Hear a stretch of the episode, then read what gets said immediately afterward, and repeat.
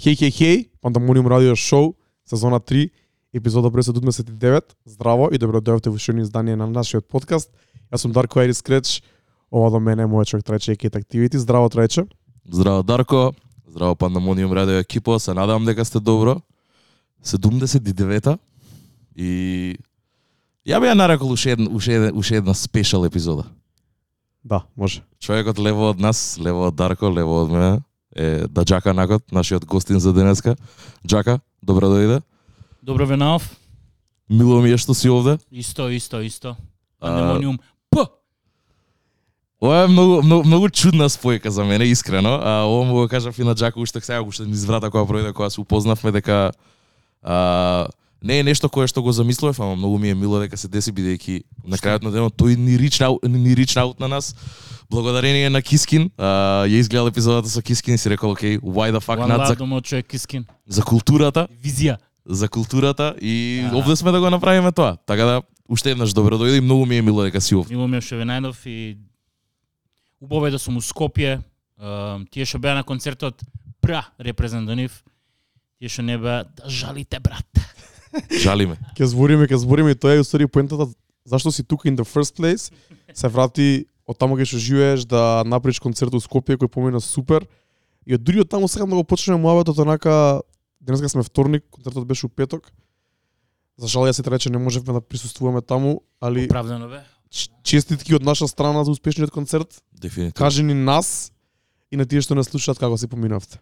Се поминавме супер. Um, ја очекував концертот да почне у 9 сат, бидејќи така беше напишано на флаерот и така го разгласивме тоа. Меѓутоа стандардно нашава публика Нормално. Многу си сака да си подкаснуваат, ме разбираш. И го почнавме у 9 и пол со малку закаснување. Меѓутоа си влегоа луѓето сите благовремено, кога више почна да се пее. Имавме два бенда што го отвара ивентот.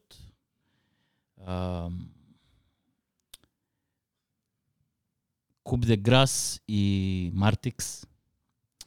Um, уредослед беа Мартикс прв го отвараше, па Куп де Грас беа после него, па ме најавиа мене, па влегов ја и цело време гости следува заедно со мене на бината, така да имаш интересно дешавање цело време.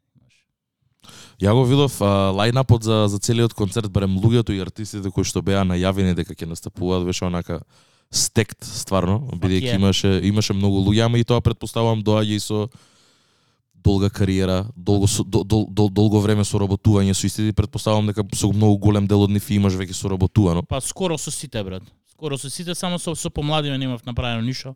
Меѓутоа филм ми беше некој помлад што кине да, да го отвори концертот. Така. Многу хем беше клише некој од легијата да го отвараше, ме разбираш. Зашто ги одбра баш Мартикс и Куп де Грас? Бидејќи со Мартикс имам исто добар контакт и историја некоја со Пандамониум радио, а исто така со Куп де Грас со Венко, јас сум другар уште од основно, Исто беше еден од најдобрите другари и трајче се Бе, брат, знае со пратам ја, пра, ја пратам, ја не сум... uh, Зашто баш I, тие? I'm a generous god. Ја пратам цела сцена, брат, пратам што се деша. Добро и И сега од, од работиве што се дешаваат, што се поблиску до до мојот традиционален хип-хоп да кажам. Така. Значи тоа се две групи кои што имаат многу потенцијал и може да згазат брат у иднина, ме сваѓаш. Сега, мене ми се свиѓа тоа што го слушам и сакам да дам прапс, ме разбираш и да да понудам платформа кај што може да да ги видат поише луѓе. дали го отворија добро концертот? Згазија брат. Згазија. Куп да Грас ги немам гледано уживо, ама за Мартикс можам да потврдам дека има многу добар презенс во И живо, многу добра соло сам. Да. Деграс, све беше супер беше брат. Да. Еве Публиката беше многу добра, на моје големо изненад. Многу млади луѓе имаше. топ. Спремни бе брат, до- дошле се журкаат. Така и треба. Тоа беше многу битно, дали се изненади од посетеноста и од демографијата на самиот концерт? Брат, не сум правил концерт 10 години у Македонија. Не знаев што ќе се деша, искрено. Тоа е. Значи, знае дека ќе има поише од 100 луѓе. Меѓутоа, Добро. ќе биде фул МКЦ, не знае брат, ама знаеш. I don't know man. Uh, кампањата, кампањата беше правена идеше све у киберпростор, значи Facebook и Instagram, тоа е. Немавме ни реклама на радио, ни овој прво гостување пост фестум, да сум негде да збориме за тоа уопште. Така да Ричот, Word of Mouth, оној оној муабе што се добро, супер. Ептем сум задоволен. Браво, браво луѓе. Сте се организирале, така да врв. Шарот од сите што беа на концерт кај Джако Петокот у Ој. МКЦ. Сите гости, кажи ми кој ти беше хайлайт од самиот концерт, дали имаше онака некој најдобар момент што ти остана баш тебе у усеќавање? Хайлайт, па не знам, многу имаше. Знаеш, уште уште не сум ги собрал сите а, а, атоми на едно место, знаеш, уште ми онака. А, го снимавме концертот, така да ќе имаме снимки од тоа ќе ќе ќе излезат. Ам, мене ми беше искрено вака многу филм што засвирив со со Ади и со Пепи после 100 години. Значи сме свирале конкретно на овој албум свириме заедно. Um, колективното свесно е наметнато. Они свират со, со Foolish Green сега, Ади и Мери и Петар Лукич. Имавме со нив уствари технички го отворивме концертот. Диже Славе беше позади Декс. Uh, поздрав и до него. Um, многу јако брат со, со, со жив бенд која работише, не знам како ти кажам, ослободувачко искуство. Како ја звучеше и како изгледаше тоа? Што свират они, како што пушта Славе? Славе ги пушташе битовите, Пепи свиреше клавиатура ке што треба, а Ади газеше на гитара. И имавме една ствар што беше скроз акапела без бит, гори кровот ја свиревме така на а, медли направивме со 21st Century Schizoid Man. И онака многу добро јебате. Филм. Ка, као се спрема на пример тоа, пошто знам дека не беше овде и кај и оф камера ни кажа дека сето тоа го имаш организирано. Како тоа иде без проба? Имаше некоја проба со нив унапред да. да, да се види како ќе иде тоа, медли тоа да се испроба целото? Концертот беше во петокот, пробата ја правевме у 6 сати истиот петок, попладне. Со сите артисти Да, да, онака да, чисто да. пробно да, Да. видиме како ќе иде. Да. Да, со оглед на тоа, Професионалци бе брат, реално за сите оставив мал прозор, значи не сакав да ги напнам многу луѓе во што ми се гости, баш поради тој тој факт. Секој имаше по помалку онака кој што е гостин во неколку траки, го има у две, три, у една, две. Драги, на пример, на крај на концертот дојде да испоштува да го да го испоштуваме да пушти бонус трака свеѓаш.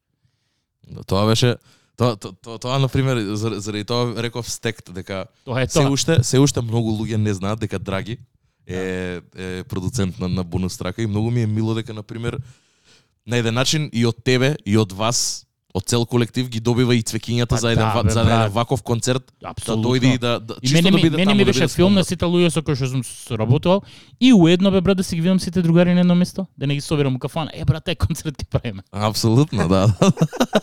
сите другари си ги видов, многу јако, многу добро си поминавме. Um, ова може да биде загревање за нешто поголемо.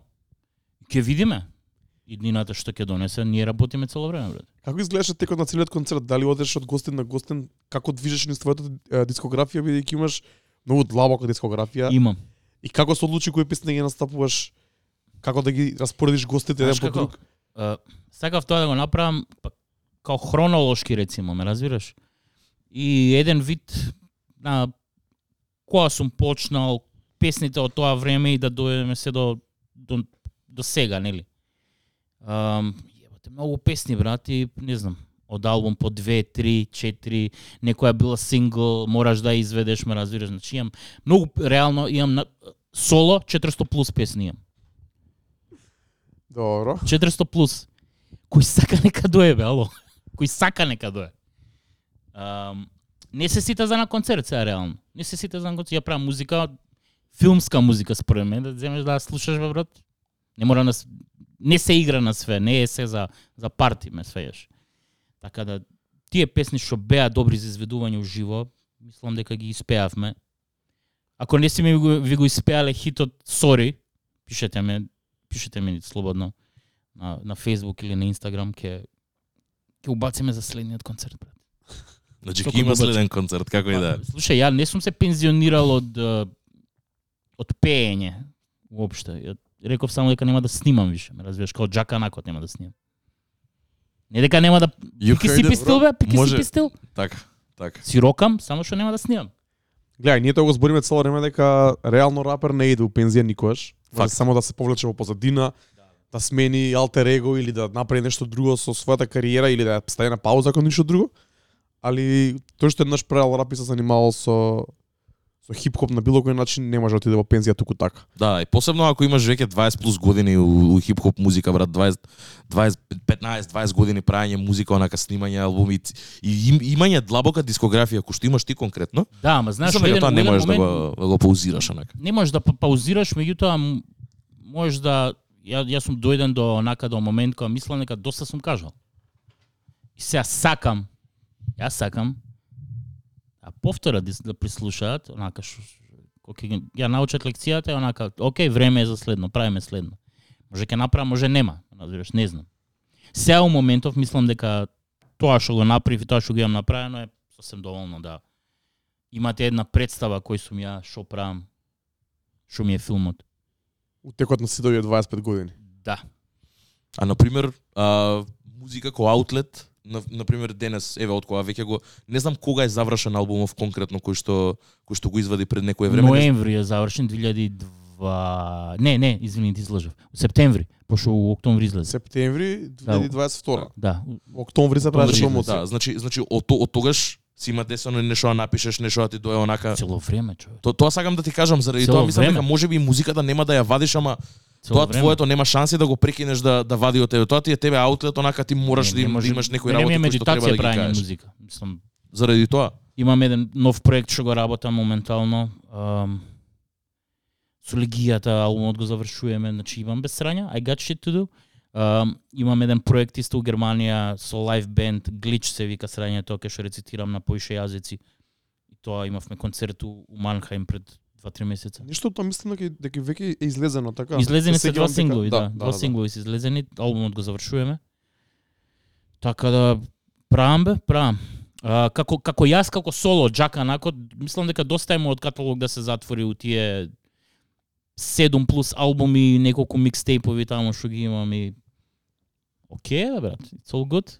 Поише сум направил Да, да, не, не, ја ја верувам у тоа дека ако ти сам се чувствуваш комфортен дека тоа до сега што имаш створено под под Джака Накот како Мило моникер ми е што и што како што можам да застанам позади све брат. Нема онака, еј брат, да, ама таа песна. Затоа на, на деца на децава. на, де, на де, па децава, што? На децава да им кажам не, да не се летаат многу со леле брат, првата песна онака ја фрлам на YouTube. Фрлјате на YouTube брат, ама некој ќе симне таа песна и ќе има и после ако ако е онака песната кроз 2 3 5 години ќе те прогонува таа песна. брат. Значи, на кој начин? Па биди спремен бе брат, разбираш, значи она кога те тапкаат по по рамо другарите дека си добар, а не си, Yes man, да, да. а не си, Да. а не си добар, брат, разбираш.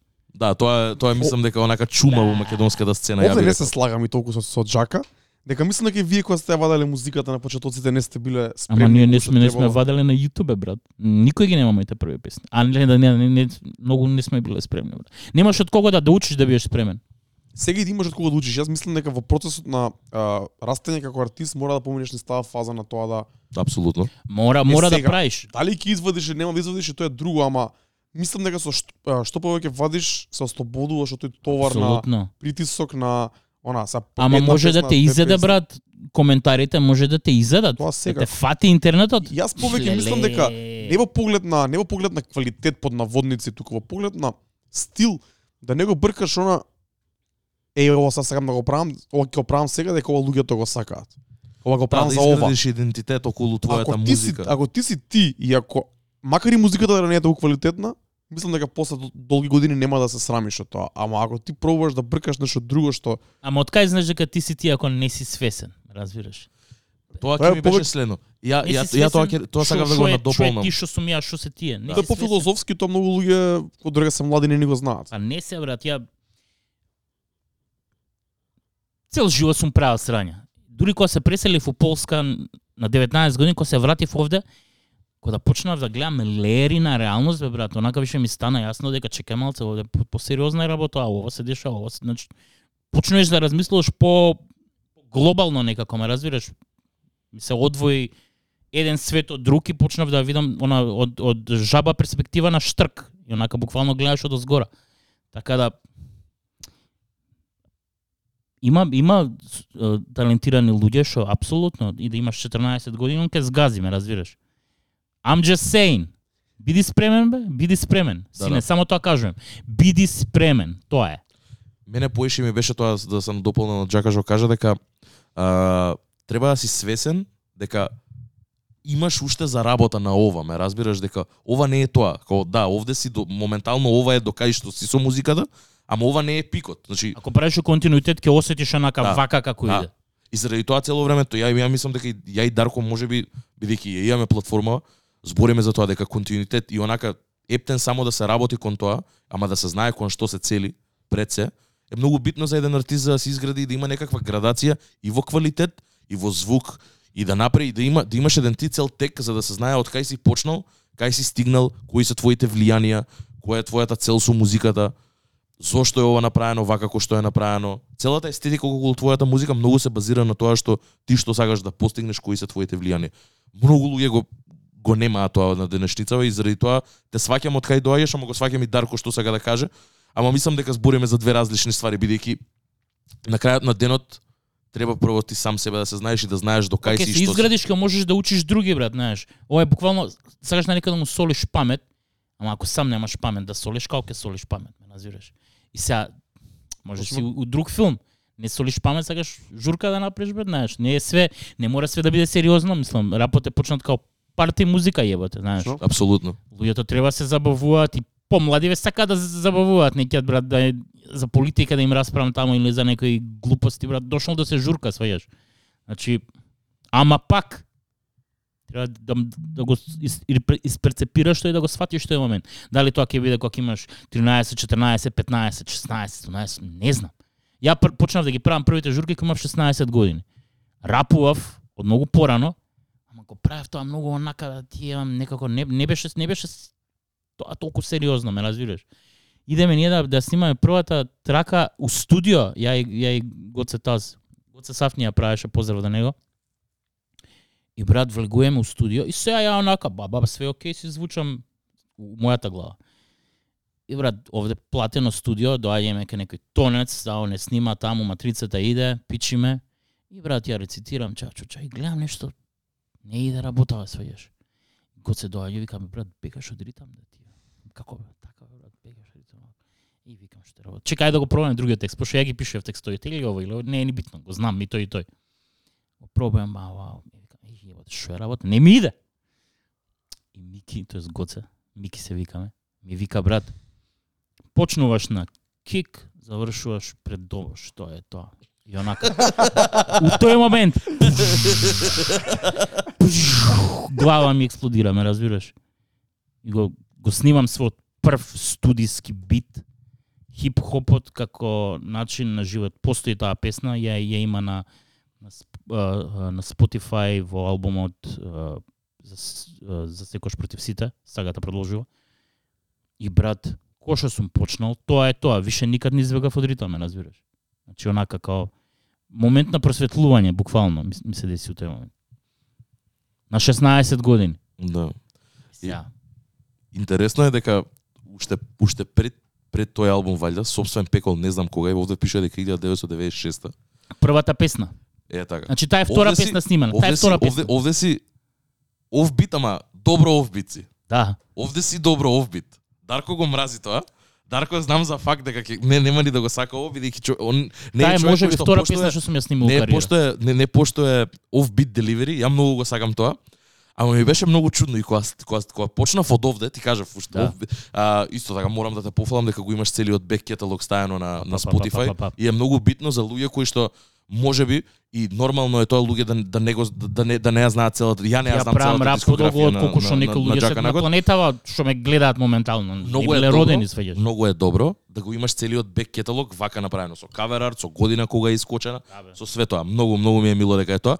И тоа приметив дека од у тие у тие три години има доста онака прогрес каде што стварно од таа офбит од тоа офбит деливери стварно си го наоѓаш флоуто онака и тоа поише. Сега на пример ја и, и начинот на кој што ти и вокалот и флоуто кое што го тераш А, може би во овој албум малце малце е пак поинако, ма- малце ја би рекол дека е малце поекспериментален, ама можам да кажам дека као можам да го поистоветувам ова е Джака Накот, као одма се слуша. Ја исто мислам дека се слушам. Дека, дека тоа е го зборевме и со Кискин тоа, идентитет на еден артист е многу битна работа и мислам дека кај кај тебе конкретно на пример вокалот е еден од тие ствари и флоуто, Е, начинот на кој што го носиш, дефинитивно као одма знаеш, не ни морам да те видам, знам дека е џака након.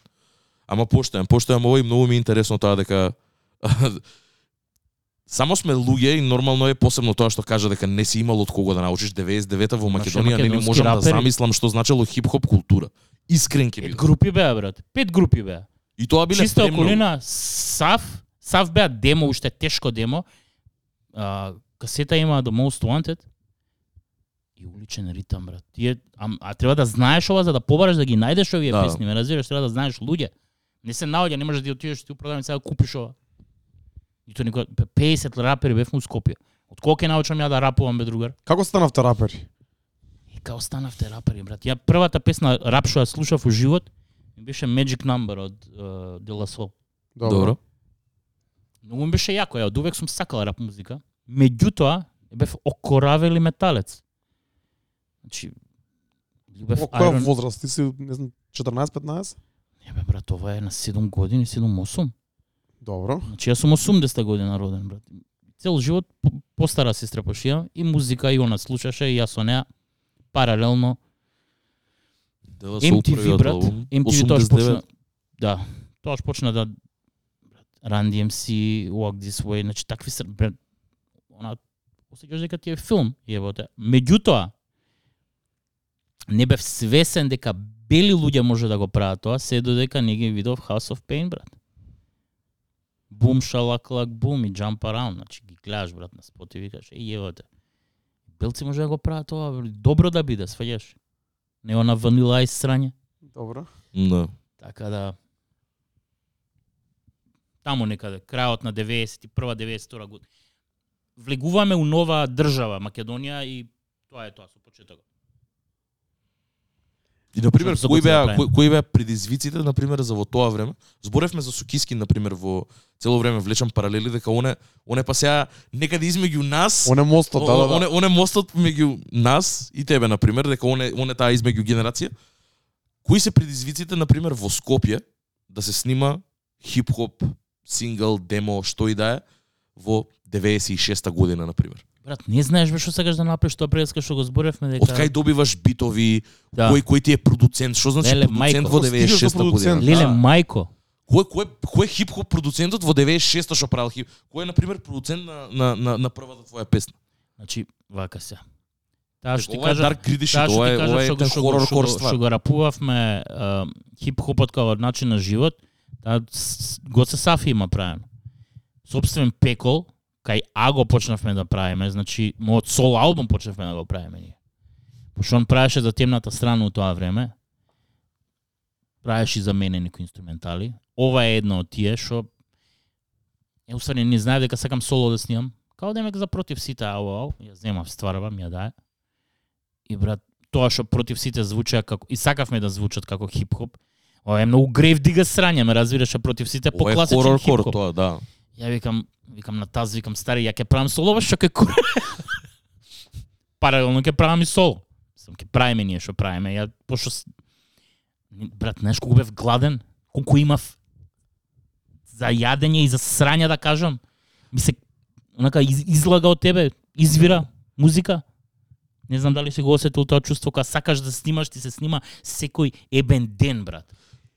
Ама тоа се осеќа и ден И од- денес као Не, не, и од и од и од а, колку албум имаш, Тоа. колку миксейп имаш, колку колку- синглс имаш и албумов колку, Колку траки содржи трае, па тоа- тоа да, е- исто така. Саат и Ма, бе, ми 15 се минути. кажува срања, брат. Тоа е. Да.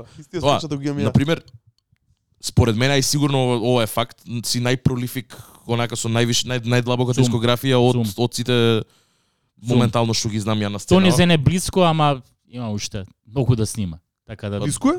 Па блиско е брат, има он некој си седум албуми има тој низен. Така. Така да. Браво. Поштоем.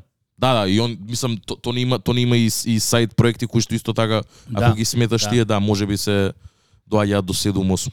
То да, да, тоа е добро, ама пак ќе кажам, на пример од тие што ќе ми дојде прв, као ако ако ако некој ме праша кој е најпролифик македонски артист, дефинитивно ти ми доаѓаш прв на ум пошто Одамна сум почнал и сум држал стандард, брат, ме разбираш? Значи сум снимал цело време, сум снимал. Едно време морав дури да застанам, пошто брат порано нема нема со кого се такмичам, како да кажам. Ти било тоа некогаш проблем, на пример, цело време било. Кои ако не е проблем, мислам, ако не ако сакаш да именуваш, на пример, кои ти биле луѓе кои што ти биле низ твојата кариера, на пример, што си ги сметал за за не противници, ама на пример како Конкуренција. конкуренција, Конкуренција. на еден начин. И што значело конкуренција во тој поглед? Не, не сакам да навлагам во драми, едноставно во поглед на квалитет, во поглед на во поглед на аутпут, во поглед на спот дали има извадено од кој е поддржан, како како како реагирале луѓе на неговата. Кој на пример од од од македонскава сцена? Конкуренција, не знам, на мене, брат. Или лично вака, не мора не мора не мора А. пред луѓето тоа. Чисто на пример ти ти кој си мислел дека тебе ти бил конкуренција за за да- за да ти биде на еден начин за за да те турка напред за уште толку поише музика да вадиш. Реално сам на себе си сум си бил брат. Значи ја ку- стигнав да извадам три албуми, допрва почна да се буди од зимскиот сон македонскава сцена. Значи, онака отварање очи. Еј, боља, брат, понеделник. Ме разбираш? Значи, после мојот трет албум и више на РНС му ги имавме извадено солото, СТР2 више тука пред вадење беа ќе го вадеа Извини, која година е од прилика? 2006 Овде јас почнувам да слушам хип-хоп Исто? сега. Со цветот на светот. Со... Ова е, ова Ама уште, легијата уште има СТР2. пет албуми, брат, у, у продавница. Значи, уште ја нема таа конкуренција. Немам, немам ја кој мене да ми конкурира, пошто ги немате. Јас сам сам ја правам својата конкуренција, уствари, ме разбираш? Мене ми беше филм бе да имам екипа ко Вутенг. Ме морав да ја направам таа екипа, пошто ја немаш. Кажи ни поише за тоа. Хајде да збориме за тоа, сам ја отвори Како се темата. создаде легијата? Беше филм, брат, да имам екипа ко Вутенг од најаки мциња што ќе ебаваат матер. Добро и? И сега, брат, ги барам. Како сваѓаш? почнав? Тај со со таз сте од- Со таз сме од деца. И сега више не биеше глас со таз, со поише него, пошто он беше продуцент. Ја бев кинеска кралица таму, ме разбираш, он беше продуцентот. Ја да окей, не е окей, само да кажам, мислење може да имам. А, меѓутоа тазот беше продуцентот, да, да не кажам моторот на на тоа све. Um, и брат, као правевме селекција, да речем, да речеме. Значи јас се преселив во Полска а, почетокот на 99-та, почна бомбардирањето на, на Косово и Србија. Тогаш ка памтам, во тој момент тргнавме ние со автобус идевме преку Бугарија и Румунија, пошто беше затворена цела Србија таму ради НАТО кампањата. И брат, бев у Полска што бев, идев таму на концерти на Дишевки, таму уште беше у зародиш сцената, меѓутоа како ти кажам, ќе отидеш на концерт кај што има илјаду луѓе, брат, на рап, го гледам тој и викам, сакам бе, кај нас вака пичко матер. Филм ми е да има и кај нас вака. И сакав, ти викам, група да имаме како вут Ја и таз, да, меѓутоа уште луѓе да имаме. И кога се вратив овдека, таз више имаше почнато снимано со луѓе што дошле кај него, снимаме песна, ме разбираш, една, две, три. И му го кажувам планов на таз, му викам брат вака и вака, сакам екипа да направиме. Ајде бе вика. Да собереме. И природно ни беше страйк, не беше прв, пошто со нас другару што дамна. Ајде, после тоа um, страйк, па после влезе Чаки, А.К. Ронин, со новиот гласник, еден, еден лик што одамна го немате да чуено ниту видено, може него ни знаете. Мишев се викаше ликот. Кец исто беше тука со нас у екипа на страйк другар од мало. Кец мадафака јеботе. Um, Кем го донесе да снимаат um, песна Матрикс и РНС, брат. Песната на Матрикс беше онака, РНС беше многу добар. И ние му рековме, брат, дајде да снимаш со нас. Снимаше малиот една песна, сними уште една. Кинење на 14 години. Ајде, Брзото зијам- флоу со пискавиот глас се Уште го немаше брзото флоу. Знаеш што, ја гл- гледам многу потенцијал, брат. Имам имам special powers, можам да видам потенцијал у рапери. Значи можам да видам кога нешто има потенцијал да стане големо, ме разбираш. И ќе кажам, талент ти е само 10%, 90% ти е работа. Ти ако Факт. не си работиш на тој талент, Факт. џабе ти е. Има многу талентирани луѓе низ Премногу. Македонија и низ Скопје, што се многу талентирани за рап или за било што, што никад ништо нема да направат во животот само поради тоа што не го користат талентот, брат. Нека треба поише поише вежба, брат. Се извини, јеби га. Нека треба поише вежба или поише фокус. Меѓутоа, не може да ако не се фокусираш, не може да не се деси тоа срање. И почнавме да снимаме, брат. почнавме журки да правиме, почнавме да снимаме рап. Тази че правеше инструменталки, пукаше. После тоа Брус се убаци со нас. Брус го видов, уствари како го упознав Брус, тоа беше недела дена пред мојата промоција на првиот албум и со Ронин отидовме на Вулкан, брат. На хип-хоп, хип-хоп журките што Да, се да, правеа во Вулкан. хип-хоп дешевки у Вулкан. И настапуваше Брус. Значи, Брус има 13 години, Ова, кога го тоа. гледам ја. Кине, бе, брат, кине, ме, Open разбираш? mic? Open mic, да. Топ. Спремен и кине. И викам, што е ова, еботе? I want him, motherfucker. Дајте ми го. И се упознав, брат, со Брус. Брус испадна дека прави и, и многу луд продуцент. Така. Правеше на, на да. Acid, брат. А, у тоа време беше многу тешко да се прави музика прво и основно, брат. Значи, освен Гоце Сав, кој што одамна имаше влезено на причата и правеше на на Акаи, на миксити и на процесори, ние другиве брат со компјутери си имавме работа. Уска бизнис бе. брат. Како работеше таз? Таа заработеше на персонален компјутер брат со преска ти го кажав Soundforge и со најдобриот другар Cubase. Cracked by Paradox брат. И тоа и тоа. Не е ништо оригинал. Брат, да, да требаше ние немаше Мак- Македонија немаше рап да да требаше оригинал програми да купуваме. Да, факт, тоа е. Тоа така до, ден денес. Кај пари. Да, да. God damn it, son. Не, многу е интересно, а на пример како стигна до до името легијата, кој го дае тоа? Легијата на кога кога се кога се знаеше, кога се знаеше дека легијата е оформена или никогаш не е била на пример? Легијата се збореше уште од 97 дека ќе биде брат. Значи ја го имав тој филм Legion of Doom ми е мене според е, кечерска екипа брат. Ама многу јако ми звучеше името Legion of Doom, легијата на прокламатите. И ја уште од 97 го збориме ние у песните напротив сите легијата, легијата, легијата. Филм ни беше бе. Онака ако ништо друго ќе биде измислено круко пи-пи-пи на Редмен, ме разбираш? Добро. и да не снимиме ништо, што е битно, сваѓаш, онака, хајп. И и више кога собравме више членови кои имавме, и можевме више да направиме нешто, тоа ај, брат, легијата, легијата. Направивме концерт во Копакабана. 2000-та некоја беше. Така, така, да. Кој место беше Копакабана? Копакабана беше е, старите гаражи кај МНТ. Добро, ние сме многу млади за тоа. Да, тоа Старите е. гаражи кај МНТ, брат. Леле, мајко. Газдата иначе умре пред, пред неколку година на Копакабана, Rest in Peace. А, таму ги правев, таму првиот концерт на Легијата си има десена. Што се настапуваше од 2000 година? Брат се настапуваше Од- некои песни Тичиња со гангстерска визија имавме снимено. А, имавме снимено и БТС кој е следен, имавме снимено Таши Аматери, имавме снимено дури и нема играње со мене ни со нас таа од Аго песната што не беше.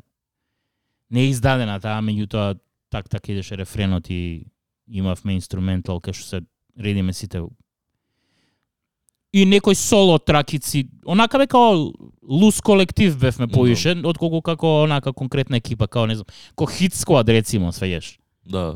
Брат, Soul Assassins да сниме албум која беа сите, значи Добро. Funk Dubious која беше, која беше House of Pain, која беше, која беа Cypress Hill, сите која беа од DJ 96 Max, да. тогаш требаше албум да снима сите заедно. Е па мене ми беше филм да го направам тоа, брат. Да го направам најдобриот албум со најдобрите MC-ња, ме разбираш? Е сега требаше малку работа тие MC-ња за да станат најдобри MC-ња, требаше малку да се поработи околу тоа.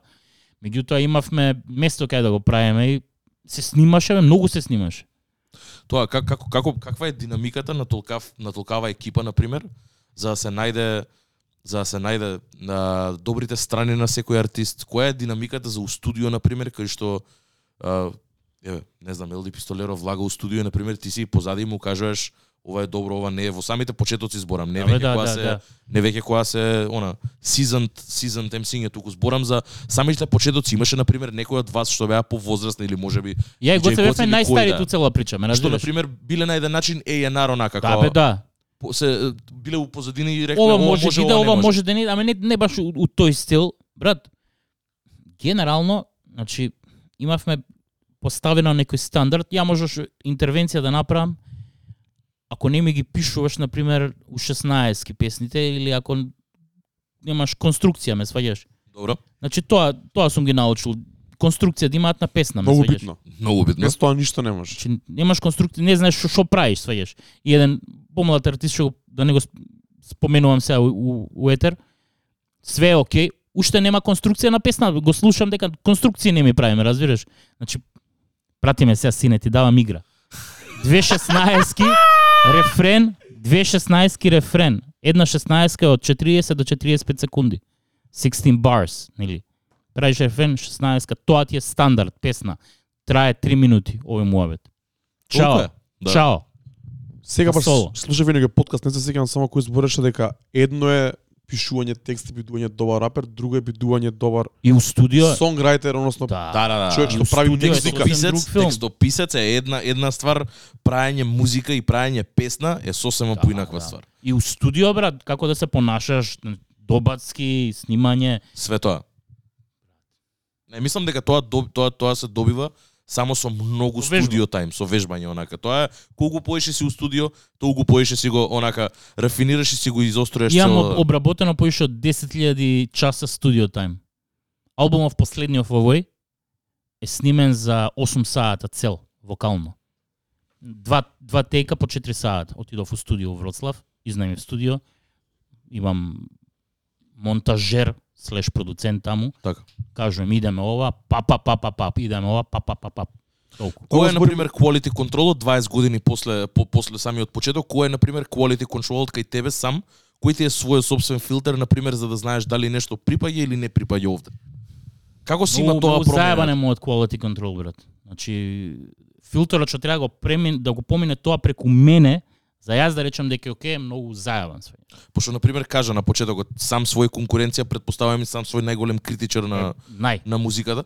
Така да то, тоа ми беше како на пример, пошто стварно има 24 траки, ремикс има, саат и 15 минути е целиот проект. Сати 16 Саат и и 11 16 така секунди. Ето, Пошто е палиндром, како времето е исто на албумот да го вртиш и од двете страни. Добро, готово, сватив. И сите траки се палиндромски напишани. Значи Капак, е баш у душа бе, Дженеме, не, Не го сватив. Не го Тоа ние. не, тоа не. Ме- тоа- не го Имаше некои чудни наслови, ама не чудни. Жене ме, не, не, не, не, не ми беше јасно зашо MF Doom а, и FM Да, MF Doom. Да, и тоа тоа не ми беше јасно. Палиндроми се, ама не значи сите наслови се палиндроми.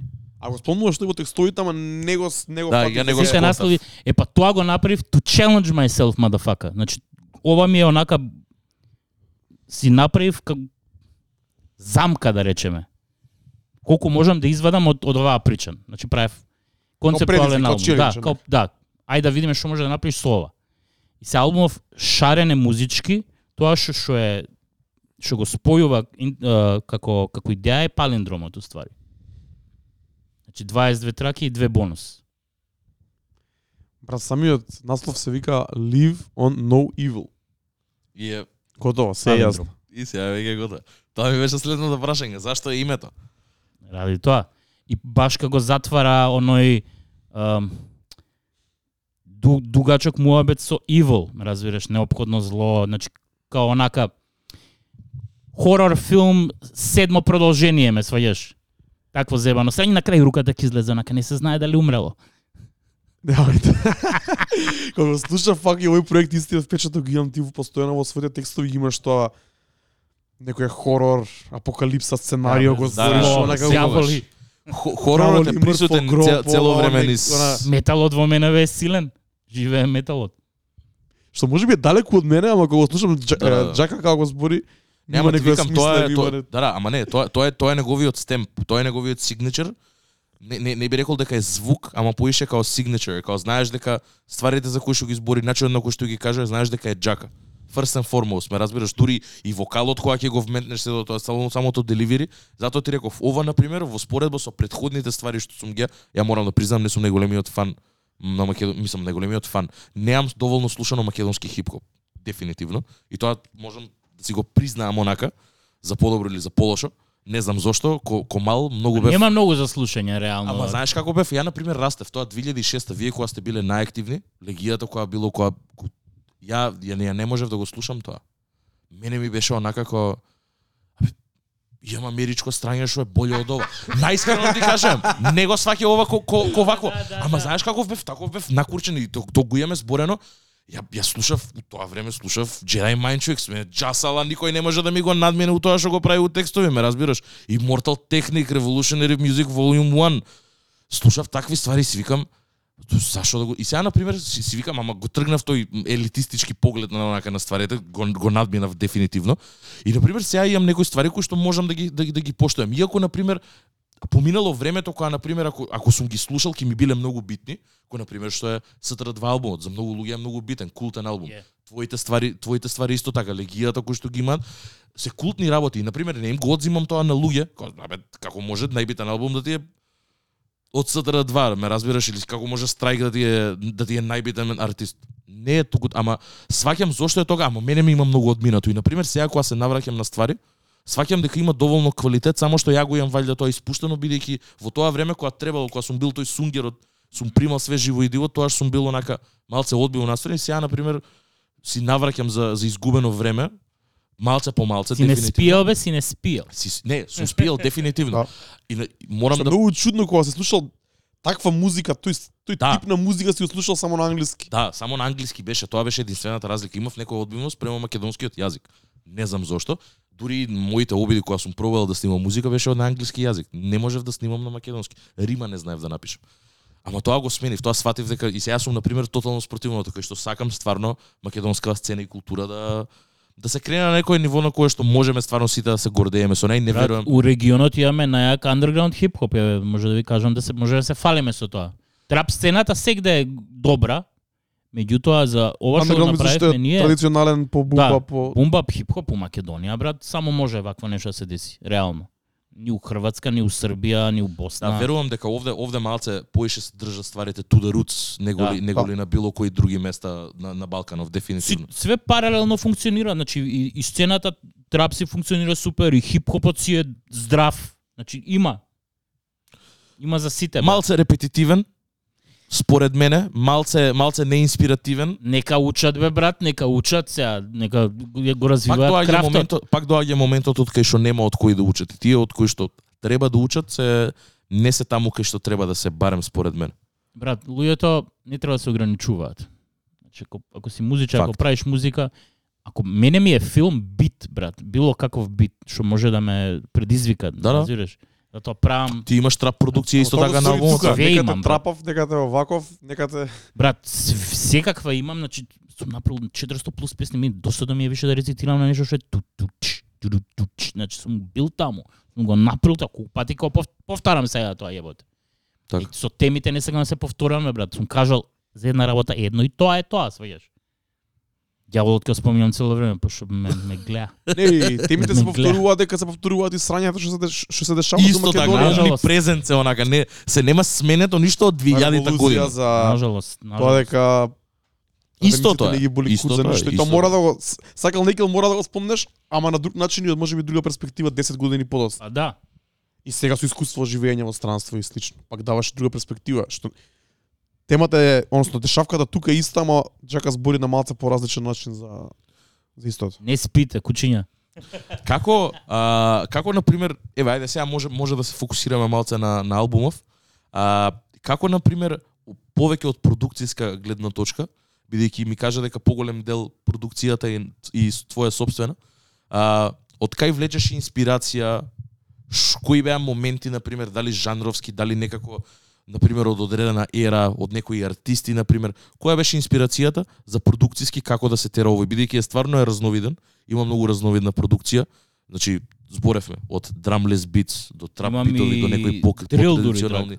Така. Значи, тоа сакам да ти кажам како како како стигна до сето тоа на пример за да да кажеш ова ова ми се свија, ова ќе го ставам на албум Слушање на многу пример за нова да музика што е mixtape based, да речам, знаеш, микстейповите на Flatbush Zombies, на Stove God Cooks, на classic. на Гризелда, на West Side Gun, знаеш, мешање па жанровски. Тоа е, тоа е хип-хоп, меѓутоа малку различни стилови има во тоа, ме разбираш.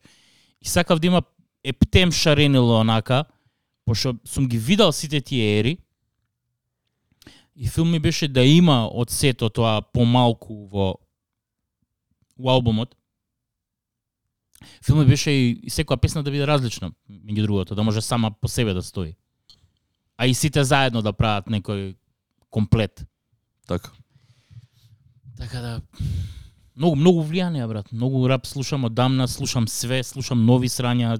Што Немам слушаш сега, сега моментално? Немам Го онака- Спомна Stove Got Cooks, мене ми е еден од омилените филм ми е многу неговиот последен албум. Reasonable Drought да, со со Рок Марсијано. Да, да. Ретардирано брат. Тем се нашле многу добро. Um, Who's Kingpin пратам, не знам, а, на Арманд Х- Хамер заглавив едно две години здрави. Харам ден денес ми е најслушан албум. Врв. Значи мене Били Вудс ми е многу филм како соло артист, Исто така. абстракен хип-хоп, не знам, стандардно Ace го слушам. Океј.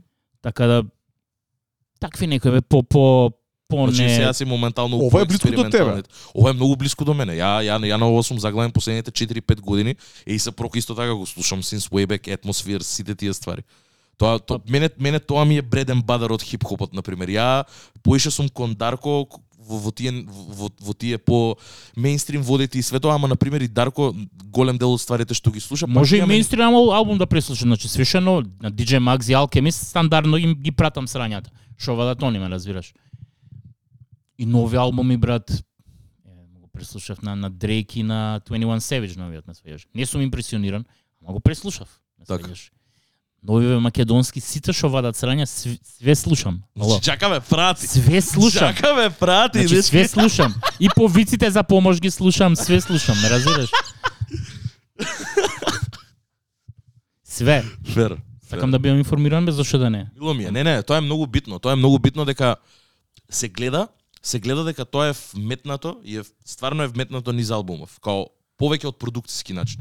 За за тематиката која што се збори, за а, не знам из, из она контентот внатре што го има во самиот албум е она пик џака, ја би рекол као стварно Е, Не, не, факт, ама продукциски ме изненадило. Не очекував стварно, пошто те немам слушано одамна и си викам као, окей, ова звучи малце поинаку као слушам 3-4 песни, си викам, топ.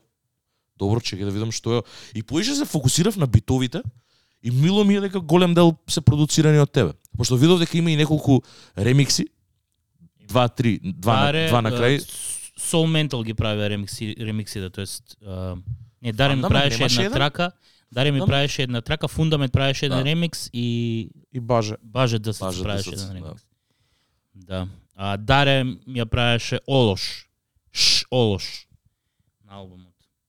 Неколку продуценти имам, пет продуценти имам на пет траки, тоа рестото се мој. И шо, шо беше, што сакав да кажам, зошто толку различно све, го сменив начинот на работа пред едно 4 години. Значи јас како напатено дете од компјутери и од кракови, брат, оној момент имаш компјутер, работиш на него, правиш некоја трака, та да да да да да, да и процесорот доаѓа до максимум и почне Така. се да грцаме, разбираш. Тоа ми дојде преку кур, брат. Сакав да правам срања, ама сакав да ги правам кој што треба и си купив MPC Live 2019 И брат, си го купив све, окей. Меѓутоа тој MPC Live треба барам многу време брат за да го научиш да го работиш. Секој ден после после работа по 4-5 сата здраво. Така. По 4-5 сата секој ебен ден. Меѓутоа отвори многу нови можности MPC Live брат. Кажи ми како функционира ова, дали има звуци внатре или ти па го, поврз- го, го поврзуваш со звуци од компјутерот? Брат. Ова Го мапираш сигурно. ова ја го работев без компјутер. Добро, значи има Значи, звуци внатре. Да, standalone. Значи има Добро. своја банка и се што е убавото. Има своја банка за почеток. Банката е онаква базична, као трап банка, хип-хоп банка. Што е окей која не си продуцент и не знаеш да правиш музика за да можеш да склопиш нешто, меѓутоа за авторски да направиш нешто е онака. Добро. Добрата работа е што можеш било што да ставиш на USB, ставаш од позади и можеш да го манипулираш тој звук. Добро. Значи можеш да го направиш у ноти, да го исецкаш на класично. Да, да го мапираш на, момент, на да. сите 16 па, 16 пада има. Да. 8 по 4 да. Да. Четири- четири по 16 четири по по 4 четири, уствари. 16, да. 16 пута 4 може да го на еден канал, па последно уште еден. Многу јак процесор, многу ефекти со него што доаѓаат и секој апгрейд што го има MPC Live-от, многу поја го прават. Сега, на пример, оваа што е конкретна инкарнација, може да го поврзеш и со миксета, и со е, микрофон, со клавиатури, со било што, као workstation, онака. Да му ставиш се внатре во него? Да. И да го поврзеш него со да излезе од микс од од лајвот у миксета и да го поврзеш со Да, претпоставам дека мо, артисти сигурно и го користат и за лайв настапи, ако сакаат битовите да се ги отсвир, да. да, се ги свират Добри, на како идеше протестот сега? Ти на USB ставаш а, семпл. семплови со кикови со добар со Не, не, ставам семпл, или- само семпл ставам Кај го взимаш семплот? Од YouTube? Па, зависи. Дека Има- имаше има на повеќе места и, и сечоци од емисии од зборење на македонски. Има. Има срања што може да ги најдеш само на YouTube.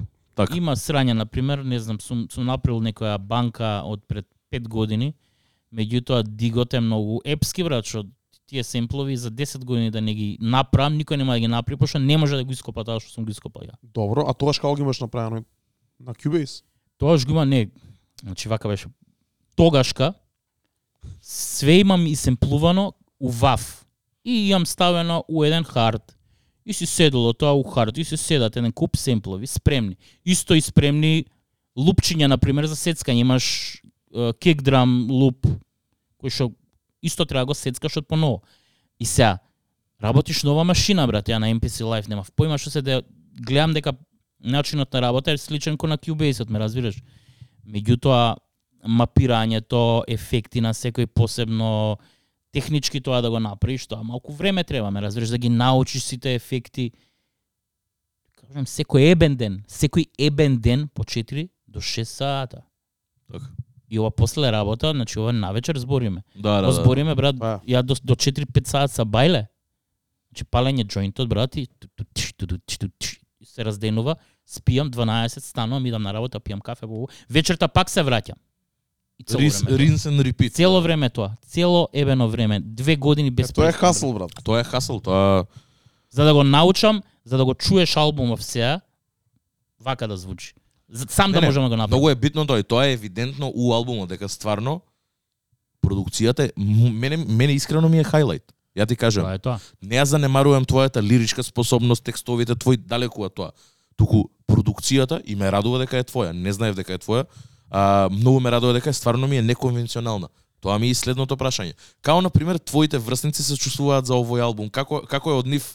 Каква е рецепцијата од нив бидејќи не го велам ова за лошо, ама на пример DJ Гоце сепак негува некој потрадиционален звук. Гоце рече дека е супер, само му звучи као микстейп, пошто е различен. LD Pistol исто така. Страйк исто така се држат до некој нивен стандард, Да, нивен звук. Како на пример они се они се чувствуваат за ова бидејќи ова е малце понеконвенционално, Па него да, тоа што е стандардниот легија легијата релиз на пример. Да. Па гледаш овде брат експериментирање со битови, затоа и правам соло, пошто можам да правам што сакам, Така. Немам со некој да мора да се расправам да му објаснам како дали дека може но брат има понекад луѓе што не не знаат дека они добро може да звучат на некоја позадина бе. Се дур не пробаш, апсолутно. Ја брат не знаев дека кинам на драм and bass, се дур, таз, дурбев ја у Полска, не знал мои вокали и ги стал на драм and bass. И ја се враќам и слушам ту ту чи ту чи ту чи ту ту ту чи и слушам као рокам на драм and bass. Викам сум газал ја на драм and bass бе брат. Сум немал појма дека знам. Како го натера LD Пистолеро да рапува на ваков бит? Добро, битот не е многу страшен брат. Лупче е пак. Мислам, го има рапот. Го има рапот, ама мене ми е не знам Да. чуто ми е за него. Така? Не го очекував, да. Па добро, за мене направи онака изузетак. Па не, тоа за- заради тоа те прашав како се како се они чувствуваат бидејќи стварно се потрадиционалисти во тој поглед. Се.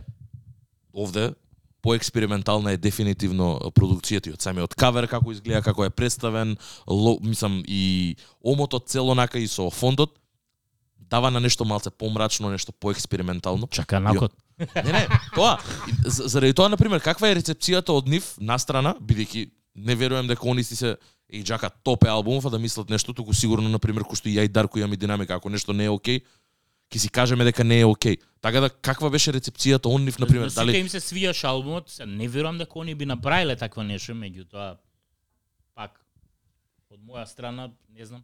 Ја бев Run the Jules пред Run the Jules. така? Ме разбираш?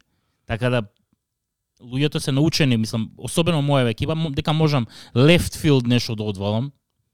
Пошто цело време од првиот албум пробувам да го push the envelope, онака Така. што што би направил, што би звучало добро, како да се брат, и, мене и музикава, самиот процес на продуцирање музика многу ми се смени кога земав ја да работам со луѓе што се стварно музичари. Брат, ти кога ќе научиш дека уствари еден бубањ се штелува, Така. дека не е само тич, тич, тич, него е тич, туч, тич, тич, тич, го штелува бе бубањот бе. Викам, чекај бе малку сега, друга игра идеме тука, сваѓаш. Ноти, басови брат, гитари, динамики, значи Тоа е следното инволвирање на лайв инструментација у Брат, продукција. Uh, знаеш како лайф С- све све што може да им имплементирам ќе направам и све што дозволува време и простор нели реално мене ми е зошто го правам тоа и го видам пакетот на МПЦ-то то као е брат буквално ранец може да го ставиш Така. Можам кај сакам да идам, брат. Можам кај сакам да идам и бутам у компјутер и више пееме, идеме, снимаме. Не си ограничен. Така да тоа е. Мило ми е, мило ми е. Пак ќе кажам, ова е а, ова е исто исто исто да го зборевме и за за за Кискинов и мислам дека тоа пак е евидентно онака дека артисти со длабока дискографија као м- може имаат позадина за да го направат ова. Ме разбираш дека као Дали, еве, на пример, конкретно ти, дали мислиш дека ова, на пример, е као олицетворение на целата твоја кариера, се тоа што имаш правено, за да стигне до овој момент, за да го Може да се ова? каже, може да се каже. Бидејќи ја ба ја, ја така го чувствувам дека стварно Магнум опус онака. Така се чувствуваш дека ова е магнум опус Прилично, твој. прилично. Мило ми е, тоа е Добро. Не, не, тоа е добро, тоа е доб, тоа е тоа е добар филинг да си има бидејќи да. Е, ред Уште самиот момент кога ќе можеш од толку дела да си одбереш магнум опус е само по себе Да. според мене во Македонијава дефинитивно онака за за за почит. И чим чим ова е твојот лест бенк онака под джака нагот, чим така се чувствуваш и дека ова ти е магнум опус, се мило ми е дека се осеќаш така За и дека овој момент, за ова време е тоа што може да го направиме максимумот. Така. Како ќе го седите, не знам. Чујте го срањето. Не, Секде. дефинитивно. Ја, ја, ја би препорачал да се чуе, бидејќи има има интересни ствари, а за продуценти продукциски ќе биде многу интересно да се чуе бидејќи има интересни семплови, има интересен начин, има интересни прогресии низ, низ вакво. Има од се и све што кој што каже и Джака има и од на битови кои што подсеќаат на трап музика, има трап битови, има што каже и дрил битови, има drumless бит кој што се гледа онака друго други влијанија. И многу ми е мило дека уствари тоа е онака еден melting pot на, на твојот ум, се тоа што собирал ко, ко инспирација последниве, кој што каже 3-4 години и дека и опремата, што е исто така многу битно дека ја има Најбитно на свет има сменето многу начина на кој што продуцираш. Брат, немам ограни... Значи, сега можам да направам бит за минута време. Од нула. Го правам за минута време. Значи, го сечам, лоудинг, туч, тап, е. Ама за да дојдем, тоа ти е ко Пикасо кога му дошол некој платил петел да нацрта, брат. Ова е урбана прича, многу добра за Пикасо. Му доаѓа некој му плаќа на црта ми петел. Добро ве вика, ќе дојдеш за година дена. Доаѓа за година дена ликов и вика што е со петол? А, петол. Е, повели. Како бе другар? Така бе. И како дое до ова? Дој со мене. Го зима ликот, му отвара брат галерија, Така. петлови нацртани милиарда. Значи Пикасо за да дое до тој петел, колку пати trial and error имал. Значи така е муабето за да доеш до брзината на продукција и да прајање на тоа мора многу брат да ставиш ти време и простор у тоа. За да изгледа лесно кога се кога направиш од прво. Ебено, рапери од со кои што сум соработувал, ја пишувам песна строфичка една од 40 секунди, тие што ви кажав преска 16-ка, пишувам за 20 минути. Од нула. Сега брат, седнуваме у студио со некој лик, чачу чај, ја пукам брат за 20 минути за следните 20. Поминало сад време, више мојот дел е готов. Брат, која го напиша ова Да, тоа мислам дека тоа е само со време и као Искуство и, е, и работа, работа Значи, и искуство, апсолутно. Фристайл може да машам, а фристайл можам да мам дутре, така да боле да го напишам тоа да го да има раце и нозе. Така. Пак е тоа структурата да, и апсолутно, апсолутно, многу е битно. Songwriting и Структура најбитна, не да ми пишуваш таму две минути брат. Рецитирамо да ти. да, ја, Да, да, да, да. Мислам, ја, ја, ја и сум имал, имал моменти, на пример, конкретно, Арман Хамер се едни што немаат и толкава многу структура, А ама, може ама, ама па они, има, они имаат па метод на целата, Да. на, на, на, на, на, на нивната она, лудост што ја покажуваат се на ни песна. класичен хип-хоп, поише со spoken word моментот и Да. И кај нив тоа функционира. Кај нив тоа функционира, ама кога кога се гледа дека песната е структурирана, а ти самиот немаш структура, тогаш тие двете има распар помеѓу нив и не, не, не, не се Или не се непарно кога ми ги завршуваат римите, бе, брат, кога ми завршуваат или на деветки кога ми излегуваат, или на на 11 кога ми излегуваат од песна, ме разбираш? Не знам, ја тоа не знам како уопште Да, може не, да не знам го ни да како како можеш да го стигне как како уствари тоа го правиш? Па го прават. скок, ќе ја не можам да лајншо. Не завршуваш кога што треба, завршуваш подоцна или завршуваш пред. Си ставил уште еден бар, онака природно не ти Ама не го осеќаш. Не го осеќаш барот дека ти е тука, ме разбираш? Тоа ти кажувам, значи свесноста, кога ќе бидеш више свесен за тоа, дали некој треба да ти укаже, дали сам ќе го осетиш тоа, ќе дое во еден момент. Ако сакаш да пишуваш Треба пример од тоа. Искрено индустри сакам да чуем стандард. пример од тоа. Ја тоа е, имаме случајно ние кај нашиве кај трапериве се се дешава често можеби во не во неиздадени песни, ама се се дешава често го знам да го да го кажам, да го кажам на луѓе. Бидејќи од друга страна ние како диџеи кај нас се математика и се се тие да, барови, строфи. и да, да. е математика, брат. Значи Јас сум рекол само ритам и пари знам да бројам, брат. Тоа е. Факт. Ама така е, мислам и, и, и баш поради тоа мене ми е многу ми нема логика ти да го завачиш тоа така бидејќи не може да функционира. Ама не го така. осеќаш брат дека е така, ме сваѓаш? Исто ко исто ко кога си офбит, а не знаеш дека си офбит, не го осеќаш. Да, И допрва треба значи да го сватиш тоа и да рече, "И чекај бе, вака требало уствари бе." Аха. И онака ќе си ја чуеш грешка ти кречеш и што Да, правил, само- да еден такт упрашање онака да да А се повлечеш напред назад. Или или ќе ми го скрати зборчето, нема задната реченица да ја каже и ќе па влегува рефрен. Да, добро, ама чакај дека и, и долго време го прави ова, знае да отиде и да каже повеќе зборови што треба во еден стих, па ама после следниот ќе се над... Да. ќе се врати, Да, да, да. ќе продолжи како што Тоа е тоа, тоа е поише веќе и тоа е структура.